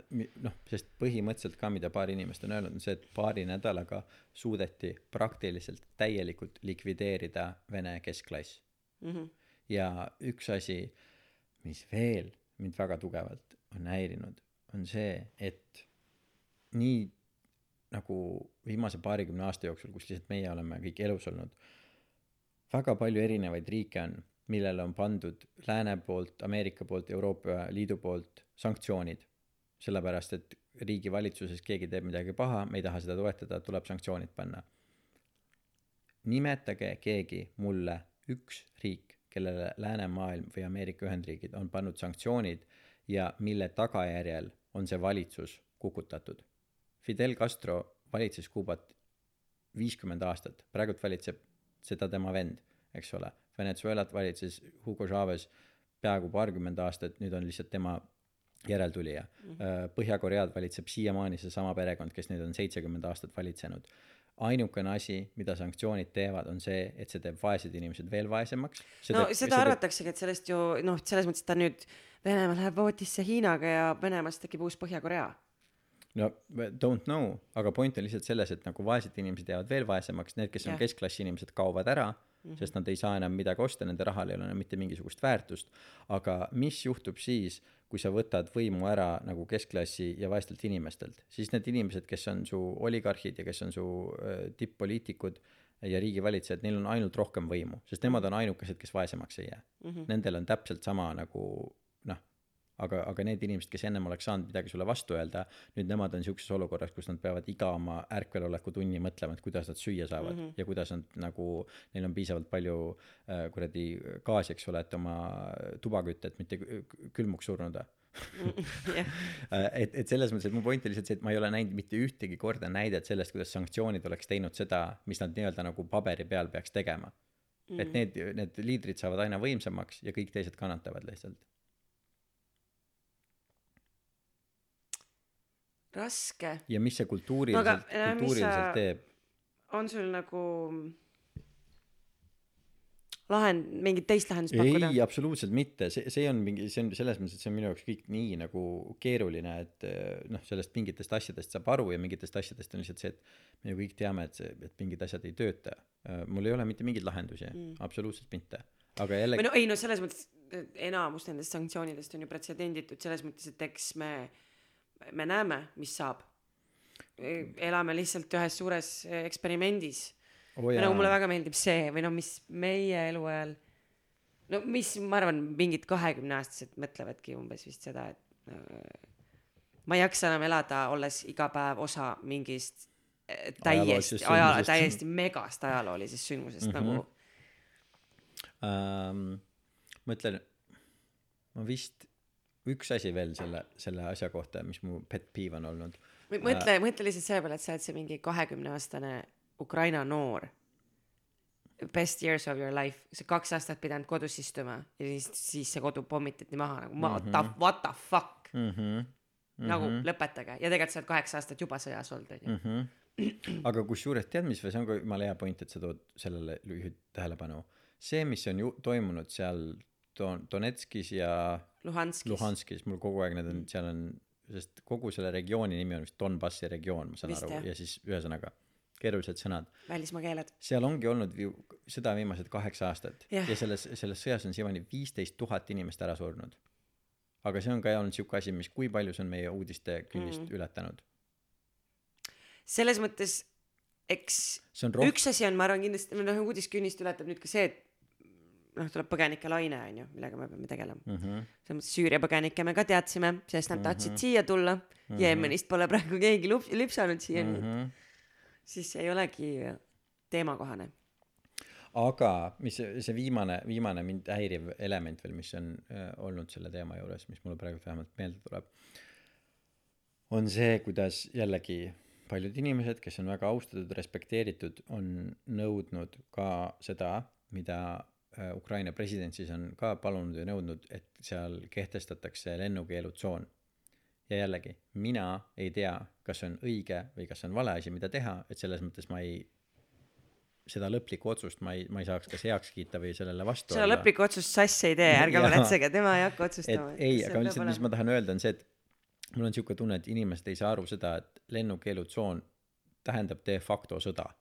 Sest kui see lennukeelutsoon ei tähenda seda, et kuskil ei ole lubatud lennata. lennukeelutsoon tähendab seda, et kui sa ütled, et siin on lennukeelutsoon, siis sa pead kehtestama seda lennukeelutsooni, mis tähendab seda, et kui keegi sinna lendab, siis sa lased nad alla. ja see lisaks tähendab ka seda, et kui keegi sinna lendab ja sa lased nad alla, siis need, keda sa tahad alla lasta, tahavad takistada sul neid sealt alla laskmast, mis tähendab seda, et nad tahavad rakette lasta nende asjade pihta, mis saavad nende lendavaid asju alla lasta. ja kuna sina oled ka siis kohustatud ennast selle eest kaitsma, siis see tähendab seda, et sina oled nõus minema võõra riigi, lendama võõra riigi territooriumile ja laskma maha sealt neid asju, mis saaks takistada las- sul laskmast maha neid teisi asju, mida sa tahad maha lasta see on hästi keeruline viis öelda seda, et kui sa kehtestad lennukeelutsooni, siis see põhimõtteliselt tähendaks seda, et NATO lennukid oleksid kohustatud hakkama sõitma Venemaa õhuruumi ja Venemaa tanki tõ- õhutõrje asju nii-öelda hävitama, sellepärast et need on oht lennukeelutsooni kehtestamisele, mõistad? ma mõistan, ma lihtsalt ei ole praegu, ma ei tea, kas ma sada protsenti usun sind, aga ma saan aru, mis sa jaa, räägid ja aga mu point on ma saan lihtsalt aru, mis su suust välja jah, tuleb. aga point, aga point on lihtsalt see, et nagu sellest räägitakse, sest see tundub jällegi eriti kui inimene, kes on kõigi jaoks suureks kangelaseks saanud, ütleb, et seda on vaja, kõigil on ka siuke tunne, et loomulikult lennukeelutsoon, miks mitte, aga lennukeelutsoon praktiliselt tähendab sõda.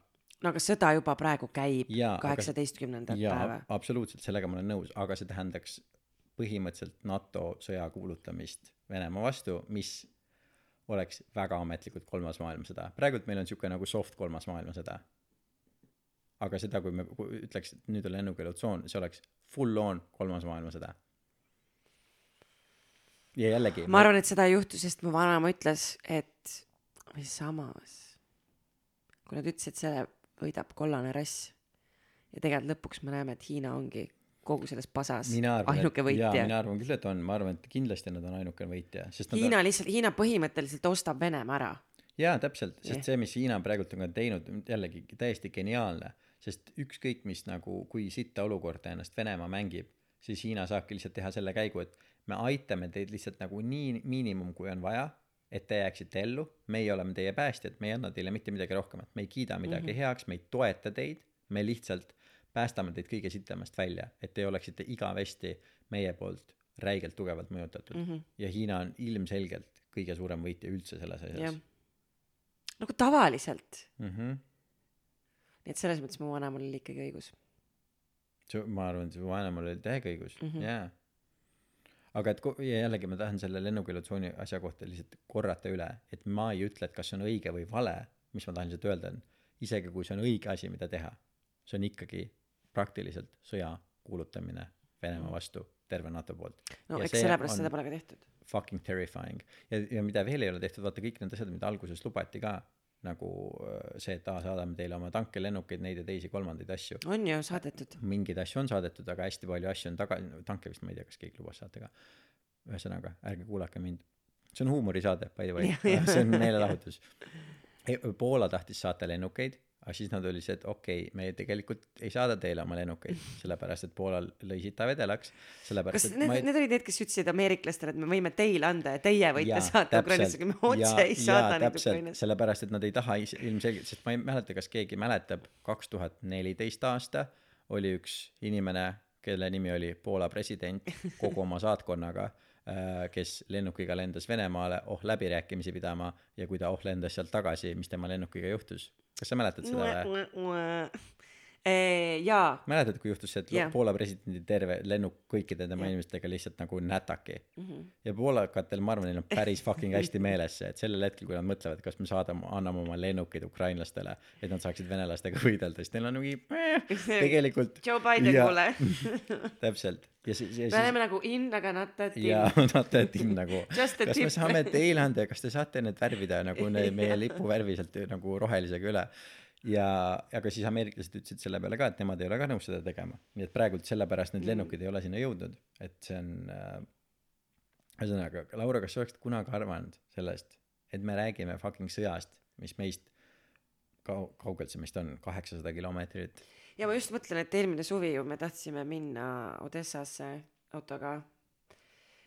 Läksime hoopis Itaaliasse ma mõtlen oleks võinud Odessas ikkagi ära käia. Jaa see on äh, ma ei mõtle tegelikult nii see kohatu nali Ei, see ühesõnaga ma ei aga- oleks seda arvanud aga ma arv- tõesti selles mõttes olles part of the historical event every fucking day of my life Mhm. see ei üllata mind ma lihtsalt ma olen nii nagu et noh ja kui vaata kõik need interneti naljad mis on nii pandeemia algusest kestnud umbes et aa lõpuks mingi kaks tuhat kakskümmend sai läbi mingi aa ups kaks tuhat kakskümmend üks on hullem onju Mhm. aa ups it's it 2020 keeps getting worse Jaa, noh et ma lihtsalt mõtlen mis järgmise aasta alguses juhtub nagu Oo, Laura, bring it on Laura, mina arvan, et me ei ole sellesse haripunkti veel absoluutselt jõudnud. Ma arvan ja ka. ma olen väga mitu korda öelnud ja ma kordan ennast väga hea meelega, et kahe tuhande kahekümnes aasta võib olla kõige normaalsem aasta, mis sellel kümnendil äh, on, on olnud äh, ja, ja ka kogu see noh, see mingisugune sõda, pandeemia, värgid, särgid. järgmine asi, mis juhtub, võib-olla juba sellel aastal, kui mitte sellel aastal, siis järgmisel aastal, võib olla veel nii palju suurem, et ka need kaks mõlemat asja on meie jaoks nagu mingi aa, see on jumala jaa pohhui. ma arvan et ma mis reaalsuses juhtub on see et tuleb nii Tulnukad. suur masu et lihtsalt me kõik jääme nii vaeseks et fucking üheksakümnendad tulevad tagasi nojah, see võib olla ka nagu, kui ja kui sa ütled üheksakümnendad, see võib olla nagu literaali üheksakümnendad, mitte tuhande üheksasaja üheksakümnendad, vaid nagu üheksakümnendad. Sellepärast, et see äh, teine asi selle Vene sanktsioonide juures, venelased jäävad, eks ole, päevapealt vaeseks. Mm. -hmm. see mõjutab meid kõiki räigelt tugevalt. No meie kõik jääme selle pärast ka räig- või noh me oleme juba jäänud. Me oleme nagu korralikud me oleme kolmkümmend protsenti vaesemad kõik kui me olime kaks nädalat tagasi. Isegi kui sul enne ei olnud pangakontol raha ja sul nüüd vaatad ka ei ole raha. Seda on ikkagi veel vähem kui sa kaks nädalat tagasi olid et see mõtle kui Kreeka Kreeka pankrotti eks ole läks mm. siis sellest oli kuradi pool pool maailma oli majanduskriisis ainult sellepärast et Kreeka mis on kõvasti väiksema majandusega või SKP-ga kui äh, kui Venemaa eks ole üks riik juba mõjutab nii palju mm -hmm. Venemaa mõjutab nii palju rohkem ja noh eriti sellepärast et see diil mis me oleme saatanaga teinud et nagu ükskõik kui väga me neid vihkame ükskõik kui väga meile ei me meeldi ikkagi natukene tahaks meil on gaasi vaja saada. gaasi, meile gaasi gaasi. gaasi gaasi gaasi palun. Et see on see on väga jah. Et et jällegi ma hakkasin täna hommikul ka esimest korda mõtlesin seda et aa et äkki viimased kakskümmend aastat ma oleks pidanud hoopis mingit tuumajaama ehitama. No ole. nüüd Üks- kõik ei vaata tuli see energiakriis siis keegi aa oot et see rohepööre it's not a joke see rohepööre või et see on you were real all this time guys mm. -hmm. okei okay, very funny onju ja nüüd siis noh lihtsalt kurb on see et nendes plaanides ma lihtsalt mäletan nagu mingist põhikooli ajast kui räägiti et jaa et kohe umbes hakkab rohepööre et Eesti hakkab aa, nagu põ- Põxitit tegema sellest on möödas reaalselt kakskümmend kakskümmend viis aastat onju ei ole suudetud seda teha Euroopa Euroopa Liit on kokku leppinud et nende üleminekukütus selleks et minna mingi kaheksakümne või üheksakümne protsendi ulatuses taastuvatele allikatele on gaas. kõik plaanid on tehtud selle peale et meil on hästi palju gaasi. Mm. Mhm, nagu mi- oh okei okay, siit plaan. Mhm, let's make a new one. Mhm. ja me praegult juba ostame gaasi Ameerikast niimoodi mis tuleb saad aru üle ookeani äh, nendes hiigelsuurtes nagu kuradi ma ei tea mis laevadega. ja laevadega mis tuleb mis on kuradi ballooni põhimõtteliselt nagu suuri gaasiballoone mm. äh, kuigi see tegelikult vist ei ole balloon see on vedelgaas siis ta on nagu no ühesõnaga tanker gaasitanker point on lihtsalt see mingi suures anumas gaas mis tuleb Mm, Ameerikast mille eest me maksame nagu mingi kaheksa korda rohkem mm, kui sel kui selle Vene gaasi eest lihtsalt sellepärast et me ei taha jah. olla sellest sõltuvad. Mm, -hmm. Mhm. aga see on ühesõnaga see on kõik see on lihtsalt siuke clusterfuck. See on vaata see on see globalismi see nagu yeah. See tume pool kui sa saad aru et okei okay, et mingil hetkel võib kõik hästi olla siis kui kõik on nagu täpselt täpselt täpselt balansis. Ja siis kui sa kuskilt nurgast natuke midagi liigutad siis lihtsalt nagu kõik surevad välja sul ei ole enam süüa sul ei ole enam elektrit sul on mingi what the fuck? Just oli ju nii mõnus mis juhtus. Aga mis on ma arvan võib-olla sest ma arvan jällegi et need lapsed kes on praegult viimastel aastatel sündinud viimased viis aastat kes praegult sünnivad need lapsed noh need põhimõtteliselt ongi uued nagu kuningad ja jumalad selles mõttes et nad loovad täiesti uue maailma sest nad kasvavad üles niimoodi kus nende aju on kogu aeg lihtsalt nagu mingi vaata nagu mingi Waired või? ja no nii palju kuradi volte tuleb sisse lihtsalt kogu Mm. aeg sest nii palju toimub et nad kasvavad täiesti nagu noh nagu arenevad palju võimsamateks inimesteks mm. Ja nad vaatavad need lapsed kes praegult sünnivad kes on viimased viis aastat sündinud kahekümne aasta pärast kümne aasta pärast juba vaatavad nagu meid ja vanemaid inimesi kui täielikke idikaid mm.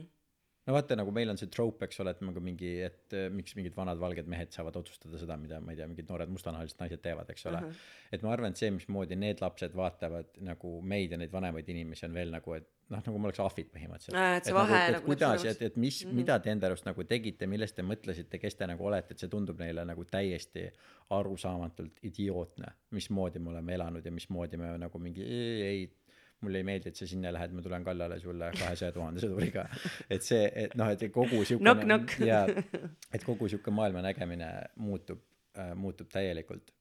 Aga mis paskene seda juhtub kui me nagu selleni jõuame? No see saab keeruline olema ma olen jaa selles kindel. aga ma arvan ikkagi see next next nagu twist ma ikkagi jällegi hoian pöidlaid tulnukate peale. See oleks lahe eks ole. See oleks lahe Mhm. twist sellele kõigele eks ole kus on see et mingi oo okei okay, viirus appi sõda appi nälg appi süüa ei ole. Siis oleks tulnukad siis on mingi what the fuck see on mingi see on siuke twist et lihtsalt nagu kuidagi oleks osanud arvata mm -hmm. see oleks tõesti see asi siis ma oleks oo üllatunud. kuule fun news. Kas sa kuulsid et Californias lasti lahti mõned miljardid geneetiliselt moondatud sääsed ei kuulnud ma ei kuulnud. Ma ei ole seda uudist kuulnud. Jaa see just just juhtus. Eelmine aasta lasti Floridas see aasta Californias. Ühesõnaga siis see idee mis seal taga on on see et nad on kuidagi niimoodi nagu nad söövad teised sääsed ära või? Ei et nad on monteeritud moondatud Nad on monteeritud. Nad on nad on istutatud niimoodi Hollywoodist Hollywoodist tulid just monteeritud Nad on istutatud niimoodi saate torrentiga alla tõmmata nad on nad- monteeritud nad istuta- istutatud on nad niimoodi et kui nad äh, paarituvad teise sääsega kes siis ei ole geneetiliselt moondatud siis nende laps kes tuleb ei ole võimeline äh, järglasi saama ja sureb ära, ta saab siukse geenimoodatuse põhimõtteliselt, ta lihtsalt sureb ära. ja sellega siis tahetakse välja suretada mingisugused neid kõige ohtlikumaid haigusi levitavad äh, sääsed.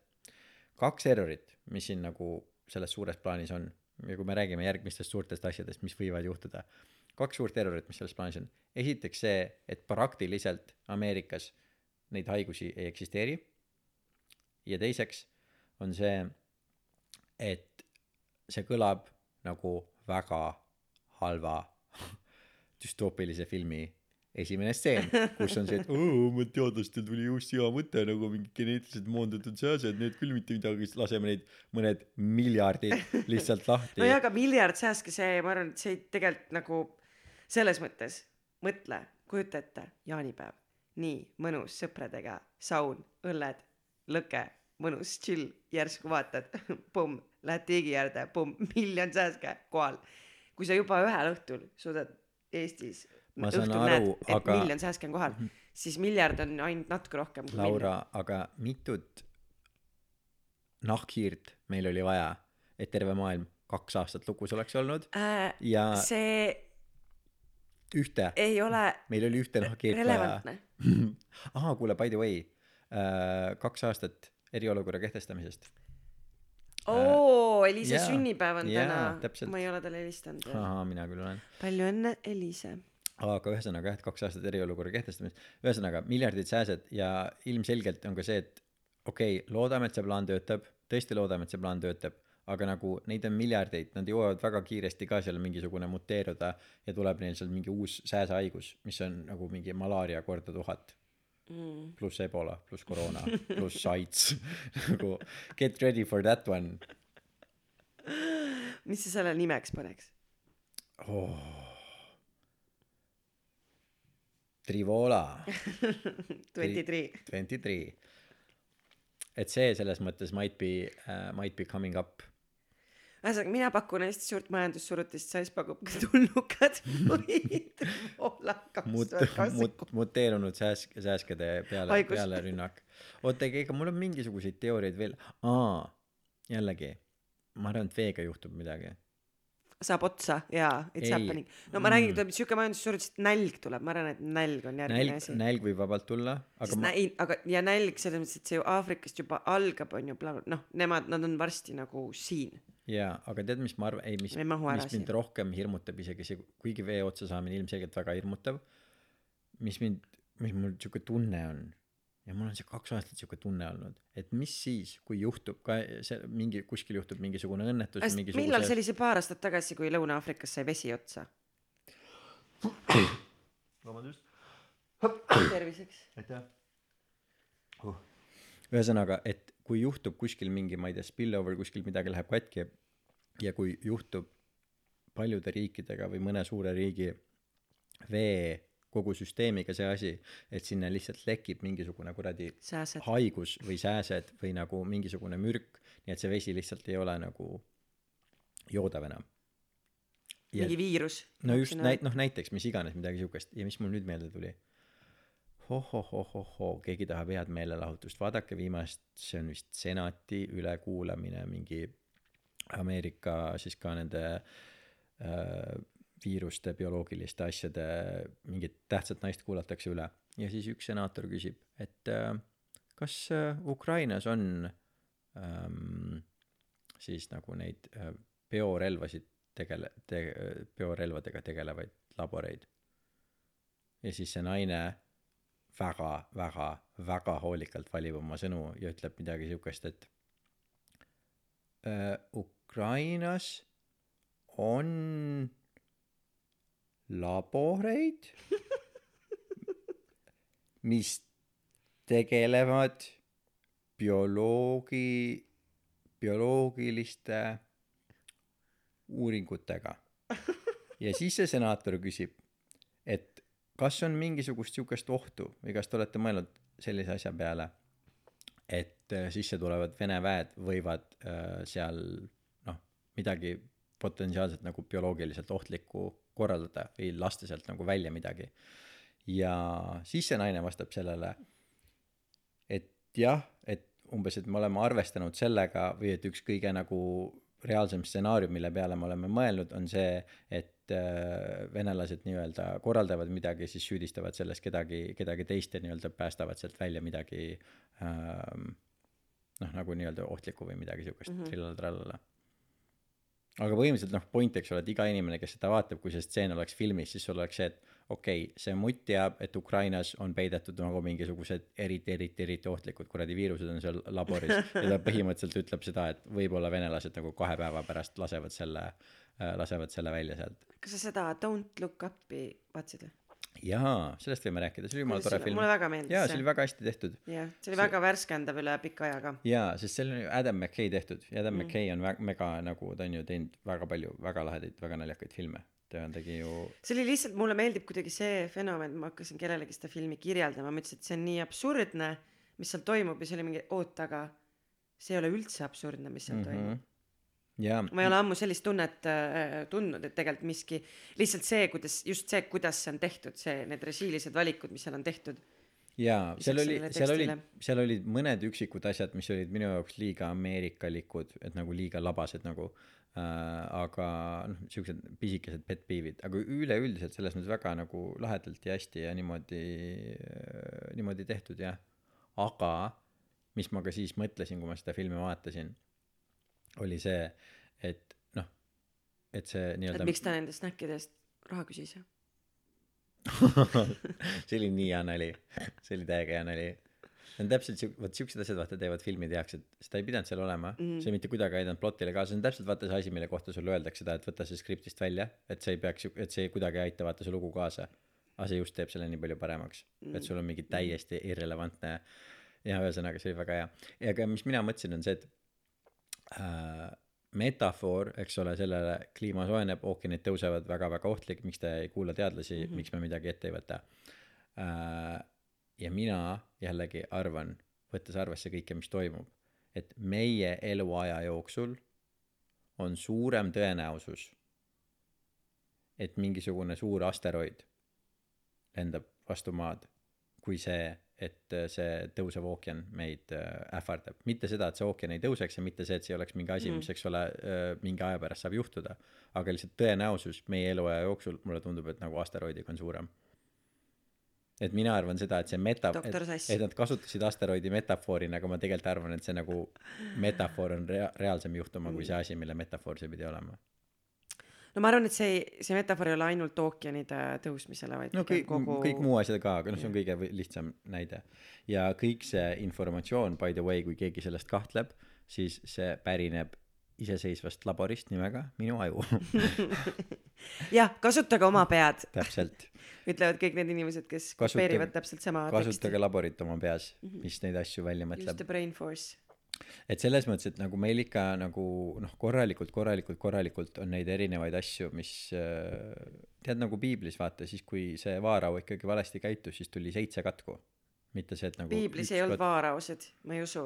vaarau, vaaraod kelle kõlavad juures nagu nad oleks Egiptusest ja, ja, ja Egiptuse vaarau juures oli Mooses äh, vang ja kust kohast nad põgenesid. see on piiblis kirjas või, sa oled lugenud või? jaa, piiblit lugenud, come on, ma olen iga päev piiblit. ma okei, siin, võib-olla piiblis ma ei suuda üles ärgata isegi, piibel on nagu kohvi enamasti inimeste jaoks, mul, ei, minu jaoks piibel on nagu enamasti inimeste jaoks kohvi. kui ma tahan ikkagi nagu saada püsti ennast, siis ma pean ikkagi paar värssi lugema. Moosese raamatust ja ei, sellepärast, et kuna Vaaro ei käitunud iisraellastega hästi, siis jumal saatis talle seitse katku, siis on see, kui tulid kõik need rohutirtsud ja kõik see konna, konnasid sadas taevast alla, mäletad ju küll. ja nagu see on nagu eilne päev. tead, tead, see mul nii hästi meeles. seda konnavihma ma ei unusta kunagi. huvitav fakt, ma ei mäleta, kas ma sellest olen rääkinud meie podcast'is äh,. Locusts on inglise keeles see sõna, ma ei tea, mis see eestikeelne vaste on. ma ei tea seda sõna. L O C U S T S, see on nagu, nagu rohutirts, aga rohutirtsust see siuke õel variant. okay., Need, kes äh, seal äh, selles ähm, Ant, mis, mis see film oli üheksakümnendatel, Pixari film, vaata, kus äh, Ants oligi. Jaa, see ja- kes ei seal olnud väga hea film, ma ei ole aga seal pahalased vaata olid ka rohutirtsud, eks ole. no võib-olla olid kurjad, ühesõnaga, no mingid pahad rohutirtsud, ma saan aru. jaa, täpselt, lokustid. ühesõnaga just. ja Aafrikas on siis rohutirtsud kes on rohelised ilusad rohutirtsud ja nad elavad siis nende veekogude ääres joovad vett kõik on jumala mõnus laulavad närivad mingisuguseid lehti joovad vett rõõmsad nii edasi. Ja siis faktid minu laborist. Rõõmsad siis- kurjad rõõmsad kurjad rohutirtsud ei nad on nad ei ole kurjad nad on Aa, rõõmsad. need ei ole need lokustid? ei ei nad ei ole lokustid need on rõõmsad need kes söövad muru need kes on Aa, toredad. tavalised, jaa okei. tavalised Hea, tavaliselt rõõmsad. nii. Aga mis siis juhtub? Vett vihma ei saja vest vett vihma vett vihma ei saa vesi hakkab aina kokku tõmbuma. Ja mis siis juhtub? Neil ei samad- ole enam rõõmus. Needsamad rohelised rohutirtsud. Nende tagajalad hakkavad pikemaks kasvama. See oli piiblis kirjas Nad- ei see on see on see on fakt see on loodus loodusfilmidest. Piiblis ei ole faktid siis või? Oota. Ja siis nende tagajalad kasvavad pikemaks nad muutuvad punast värvi ja nad hakkavad kannipalideks nad hakkavad üksteisi sööma. Needsamad rohutirtsud mm. mitte nende lapsed nende sama eluaja jooksul. Nad nende keha muutub nad muutuvad teist värvi ja nad muutuvad kannipalideks ja nad hakkavad üksteise ära sööma nii kaua kuni neil on piisavalt palju vett et kõik saavad jälle elada. Ja nad muutuvad jälle roheliseks ja muutuvad jälle murusööjateks ja kõik on jälle rõõmsad ja mängivad oma äh, pilli. Ja äh, arvatakse ühesõnaga siis see, et äh, need on need samad rohutirtsud, kellest seal piiblis räägitakse, aga see teine point on see, et vaata, inimesed on ka sellised. et siis, kui meil kõik jätkub, kõik on, kõik on hästi rõõmsad, No, mõnusad, eks ole, hakkavad jaa. veganiteks ja niimoodi, aga siis, kui nagu äh, kui kuskilt midagi otsa saab, siis tuleb välja see kannibal meie sees. jah nii on väga hästi öeldud, Laura. nii on kui keegi nii kunagi on kui keegi kunagi küsib mult, et ütle mõni hea tsitaat, siis ma ütlen, vot Laura ükskord ütles, nii on. ja teate mis? oligi ja oligi e,. nojah, elame-näeme elame-näeme jah. oota, mõtleme, kas me saame midagi siis kokkuvõtteks öelda. kokkuvõtteks midagi positiivset, noh, mina enda poolt ütleksin ikkagi seda, et nagu ma ka proovin inimestele iga päev öelda, et kui elu läheb nii paganama absurdseks lihtsalt, et tuleb üks katastroof teise otsa, siis on jällegi, ma arvan, nii ilus hetk, kus me saame näha seda, kui absurdne see meie elu tegelikult on mm. -hmm. ja kuidas see on mis nii päriselt oluline ja on mis. päriselt oluline on ja kuidas me saa-, ongi, et ole tänulik siis nende asjade eest, ma ei tea, kui ma kirjutasin, tegin selle Insta story ja inimestele olen varem ka öelnud seda, et nagu äh, mingites podcast ides ja asjades, et nagu kui eelmine aasta inimesed oleks saanud minna tagasi aastasse kaks tuhat üheksateist, kuidas siis oleks nautinud alles, eks ole, kuidas siis oleks olnud, et fuck yeah, nagu me oleme kuradi vabad, ma saan ükskõik kuhu reisida, ma ei karda mingit haigust, ma ei karda, et vanaemaga midagi juhtub, ma noh, kõik on, eks ole mm, -hmm. nii mõnus. Läheks tagasi ja küll ma alles naudiksin. aga enamused inimesed kaks tuhat üheksateist aastal, sa muretsed mingi suvalise asja pärast, eks ole, mida mm -hmm. ma kellelegi ütlesin, kuidas keegi minuga kohvikus käitus, kas ma saan blõ, selle töö endale, mis iganes asjad, eks ole. ja siis tuleb mingisugune ülemaailmne katastroof ja sul on järsku see, et oh, vau, need olid mu probleemid enne või mm., päriselt ka või, see on nüüd päris probleem probleemid ja prioriteedid. ja siis on kaks aastat inimestel on see, et oi, muidu ma oleks nii rõõmus, muidu mul oleks kõik hästi, aga see kuradi pandeemia, oi, see on nii suur probleem, ei saa rõõmus olla, ei saa oh,, eks ole. ja mis siis juhtub, tuleb fucking sõda ja siis sul on see, tegelikult see pandeemia on nagu päris okei okay, nagu päris oleks, oleks võinud nagu nautida seda pandeemiat Mhm. ja jällegi, et ja vabalt võib järgmisena tulla järgmine ja siis sa, oi, kuidas mul läks seda sõda oi, kus see sõda oli, vot head ajad, räägime mäletad Ukraina sõda, vot see oli see oli siis tore oli. mõnus, siis kui sai veel šokolaadipoest ja äh, et, et selles mõttes, et neid kui mul oli asju veel raha. jah, kui, kui raha oli veel oli väärtus. olemas ja kui rahast ei, ei saanud ainult džonti, džonti keerata äh,. et selles mõttes, et äh, ja neid mis asja sa just ütlesid? kui rahast ei saanud džonti keerata. ei saanud ainult rahast keerata saada ainult, aa, et rahal ei ole Jaa, väärtust. jah, no selles mõttes, et ma mõtlen, et sellel hetkel vaata, kui rahast täiesti väärtus ära kaob. no see asi, ma, miks sa siis, ma ütleks mingi perset pühkida või mis ei sellepärast, et see perse pühkimine on nii äh, klišee metafoor jaa, aga ärge suitsetage raha. ei, stopp. piibli see- lehekülgi, need on head õuksed. stopp, stopp, stopp, stopp, stopp, stopp, stopp, stopp, stopp, Laura. siin ma pean võtma seisukoha. kui rahal tõesti kaob väärtus veel rohkem ära, ja pe- by the way, euro hinda või tõsta. That turned out to be fucking incorrect, didn't it uh,? ühesõnaga, ega euro ise siis ei jaa, hakanud upitama. euro ei ole milleski Need on süüdi nagu need naljad see Twitteris, kui oli see fucking konvoi või see mingi whatever meeleavaldus neil inimestel oli, kes, nii kes teevad neid asju. nii ja mis siis mis siis ma loodan, et elekter näeb seda meeleavaldust ja laseb alla, ja oo, väga spooky, oo, saatke elektrile see fucking meeleavalduse kutse.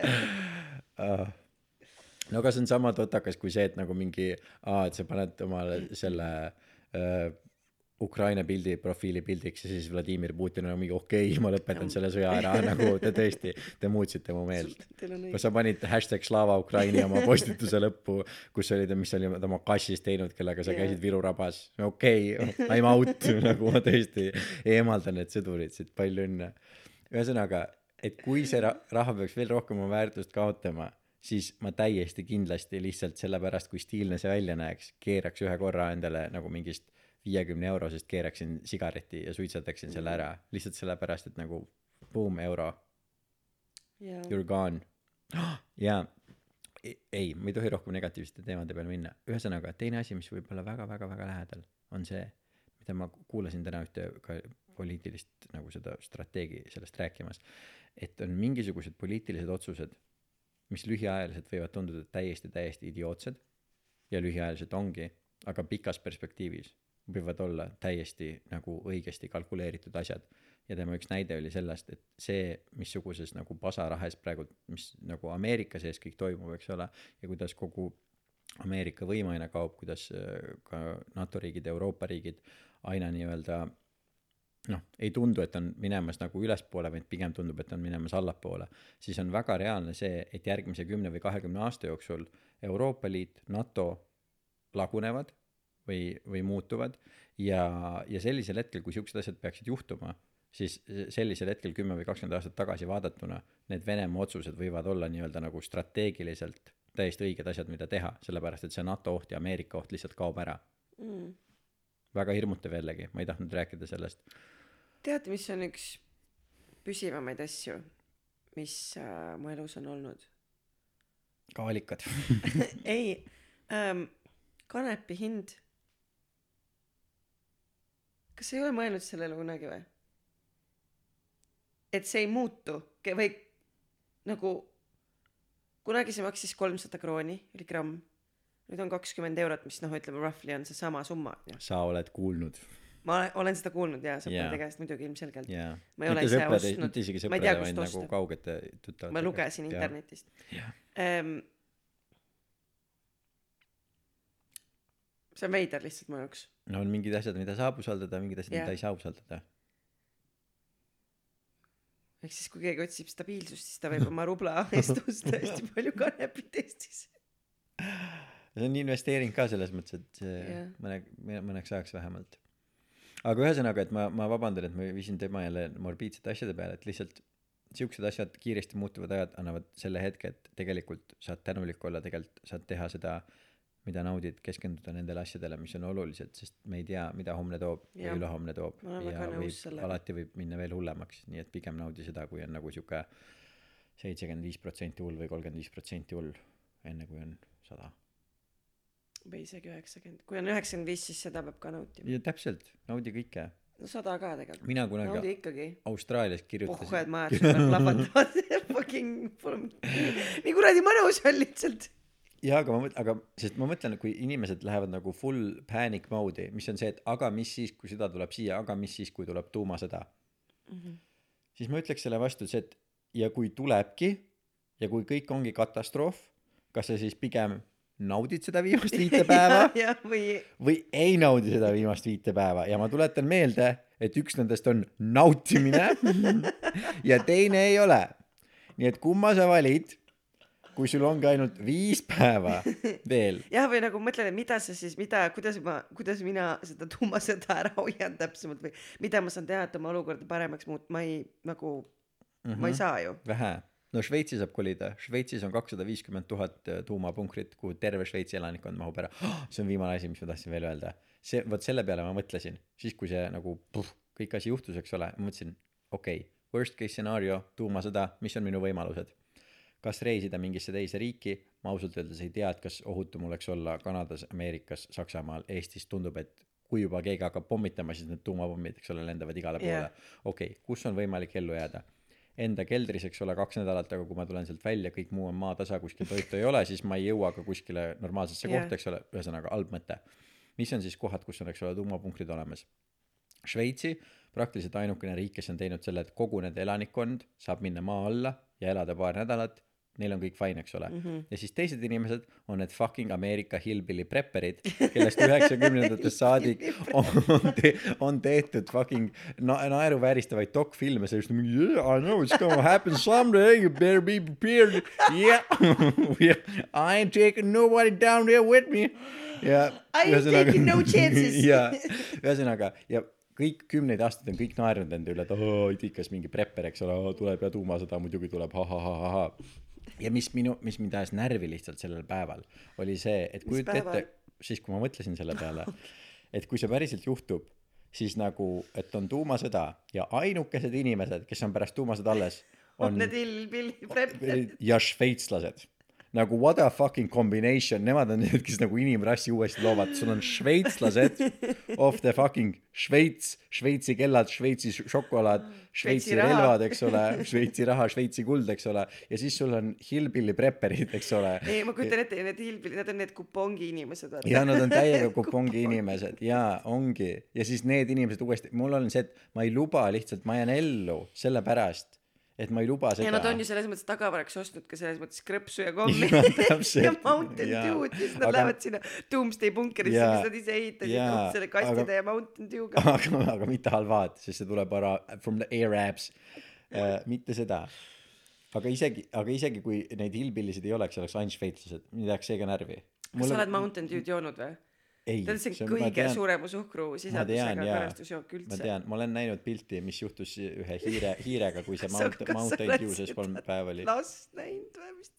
see Jaa., kes jõi Mountain Dew'd Red Bulliga. ja, ja ühesõnaga tema ema jääb ellu tuumasõjas. no täpselt, vot ja ma ei saa seda lubada, et need on ainukesed inimesed. sest isegi kui nad oleks ainult šveitslased, mind ajaks see ka närvi, kuigi mulle šveitslased väga meeldivad, aga nad on šveitslased, vaata, see on nagu Mm. noh, ma ei saa lubada seda. nii et ühesõnaga, mina kavatsen igastahes ellu jääda.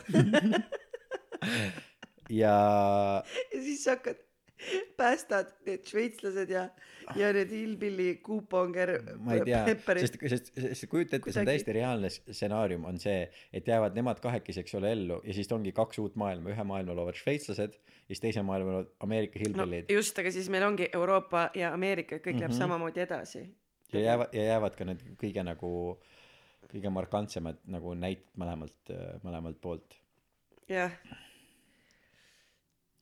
ühesõnaga me elame väga huvitaval ajal. See on see on kõik midagi väärt äh, aga ja- no nendest sassi sõnadest me saame siis õppida, et või sinu research'i tulemusena me teame, et kiiremas korras tuleb kas siis leida hillbillidest sõbrad või šveitslastest sõbrad ja Hakata- sinna emigreeruda. hakata in- investeerima halvaasse ja või hakata, üritage ise, võtke õppust nendest hillbilly prepperitest, nendest on väga palju teleseriaale. Oh ja mina hakake oma Doomsday punkerit ehitama, kuhu te saate mm, noh, Mountain Dew'd ise panna, aga mina ütleks niimoodi et saage ise hakkama. Mõelge oma peaga. jah mõelge oma peaga saage ise hakkama. Ja võite mind tsiteerida. Jah, jah väga hea. Aitäh sulle Laura. Aitäh sulle. ja aitäh kõigile kuulajatele. Tegime päris pika siin salvestuse niimoodi aga see oli seda väärt. Ära ütle siin neile, siis siis nad ei saagi teada, kui, kui pikk see fail on. meie oleme ikka täie mõistuse juures. Selles mõttes et saab millelegi ikka kindel olla. Nii et äh, ja ma mõtlesin ka seda et vaata praegult meie podcast'i nimi on juba kolmandat aastat et mina ei mina ei taha veel magama jääda. Jah, aga siis varsti on mina ei saa enam magama jääda no siis kui sul on see et nagu mingi äkki tuleb tuumasõda siis on nagu ja, ja, ma ei saa enam magama jääda või sul ei ole voodit selles ma mõtlesin selle Mountain Dew joomise peale. aa no see võib olla jah ühesõnaga armastage üksteist ja tšau-tšau tšau, tšau.